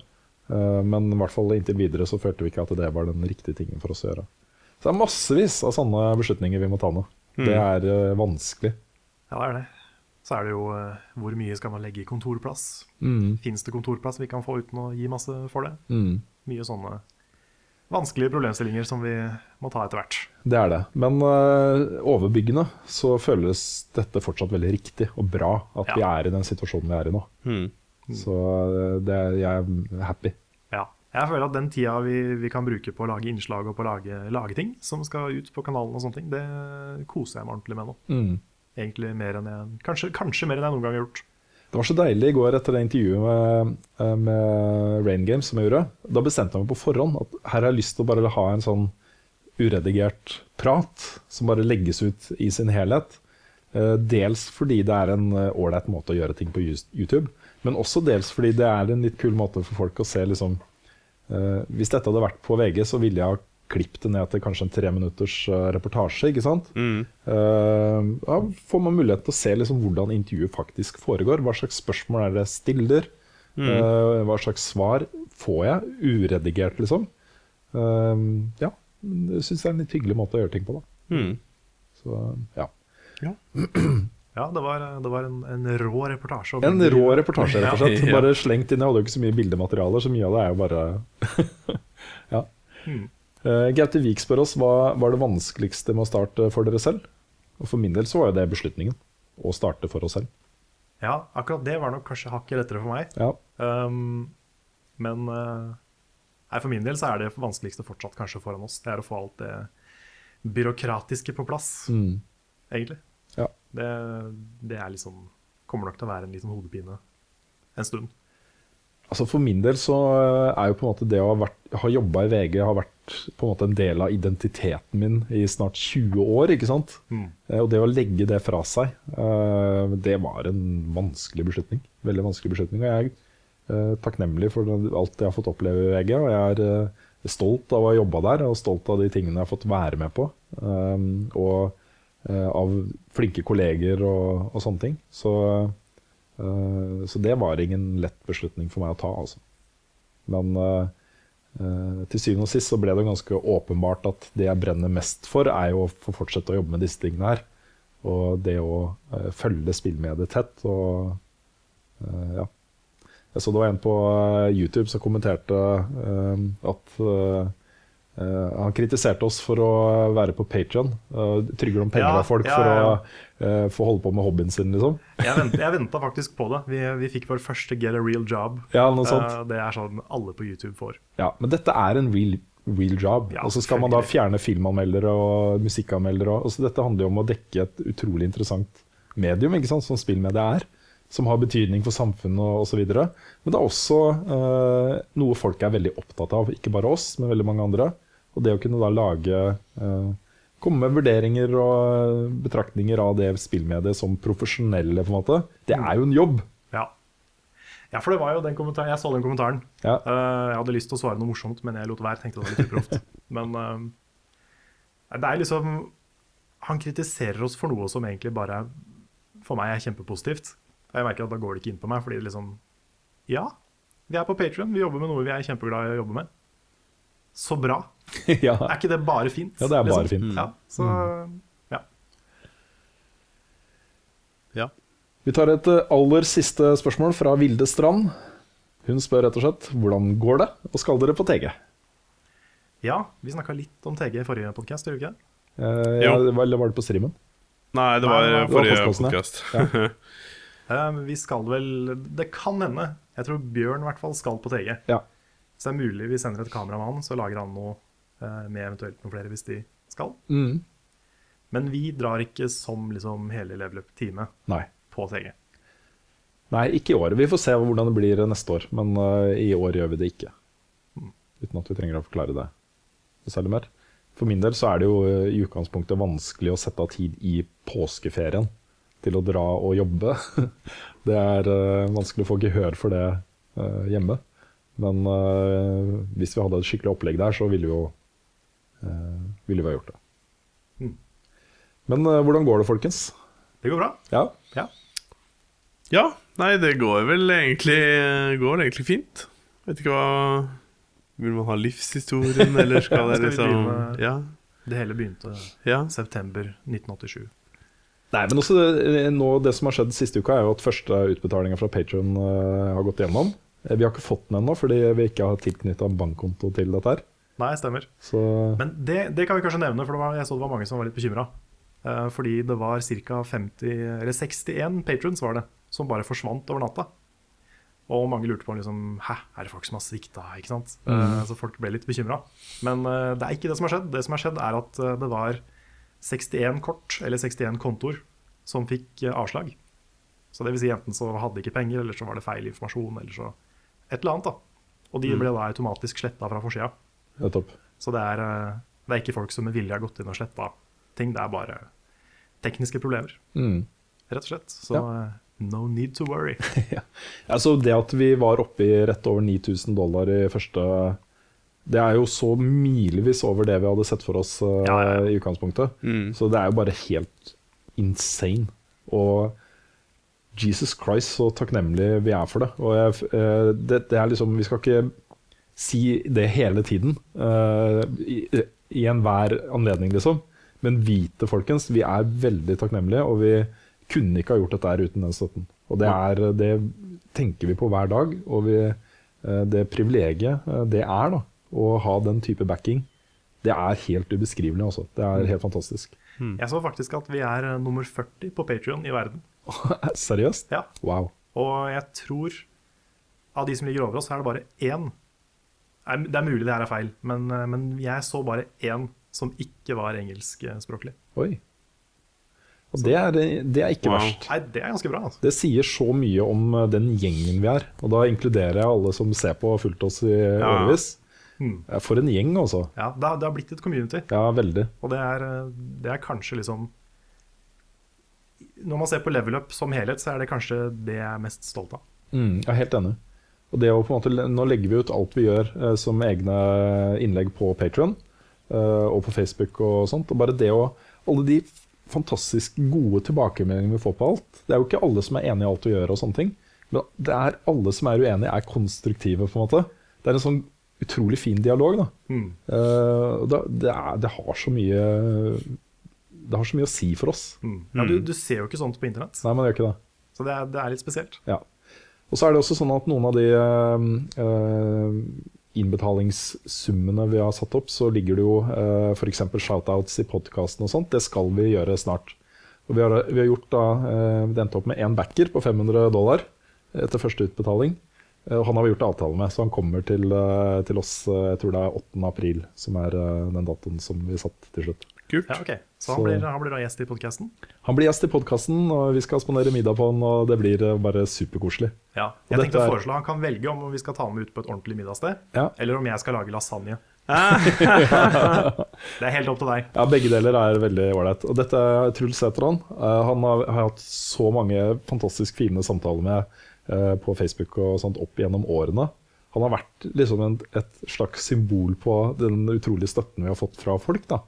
For han, er, han representerer, føler jeg, liksom de flotte seerne våre. Så det blir, jeg gleder meg til å ha han i studio. Jeg gleder meg til å møte han fysisk for eh, første gang. Ja.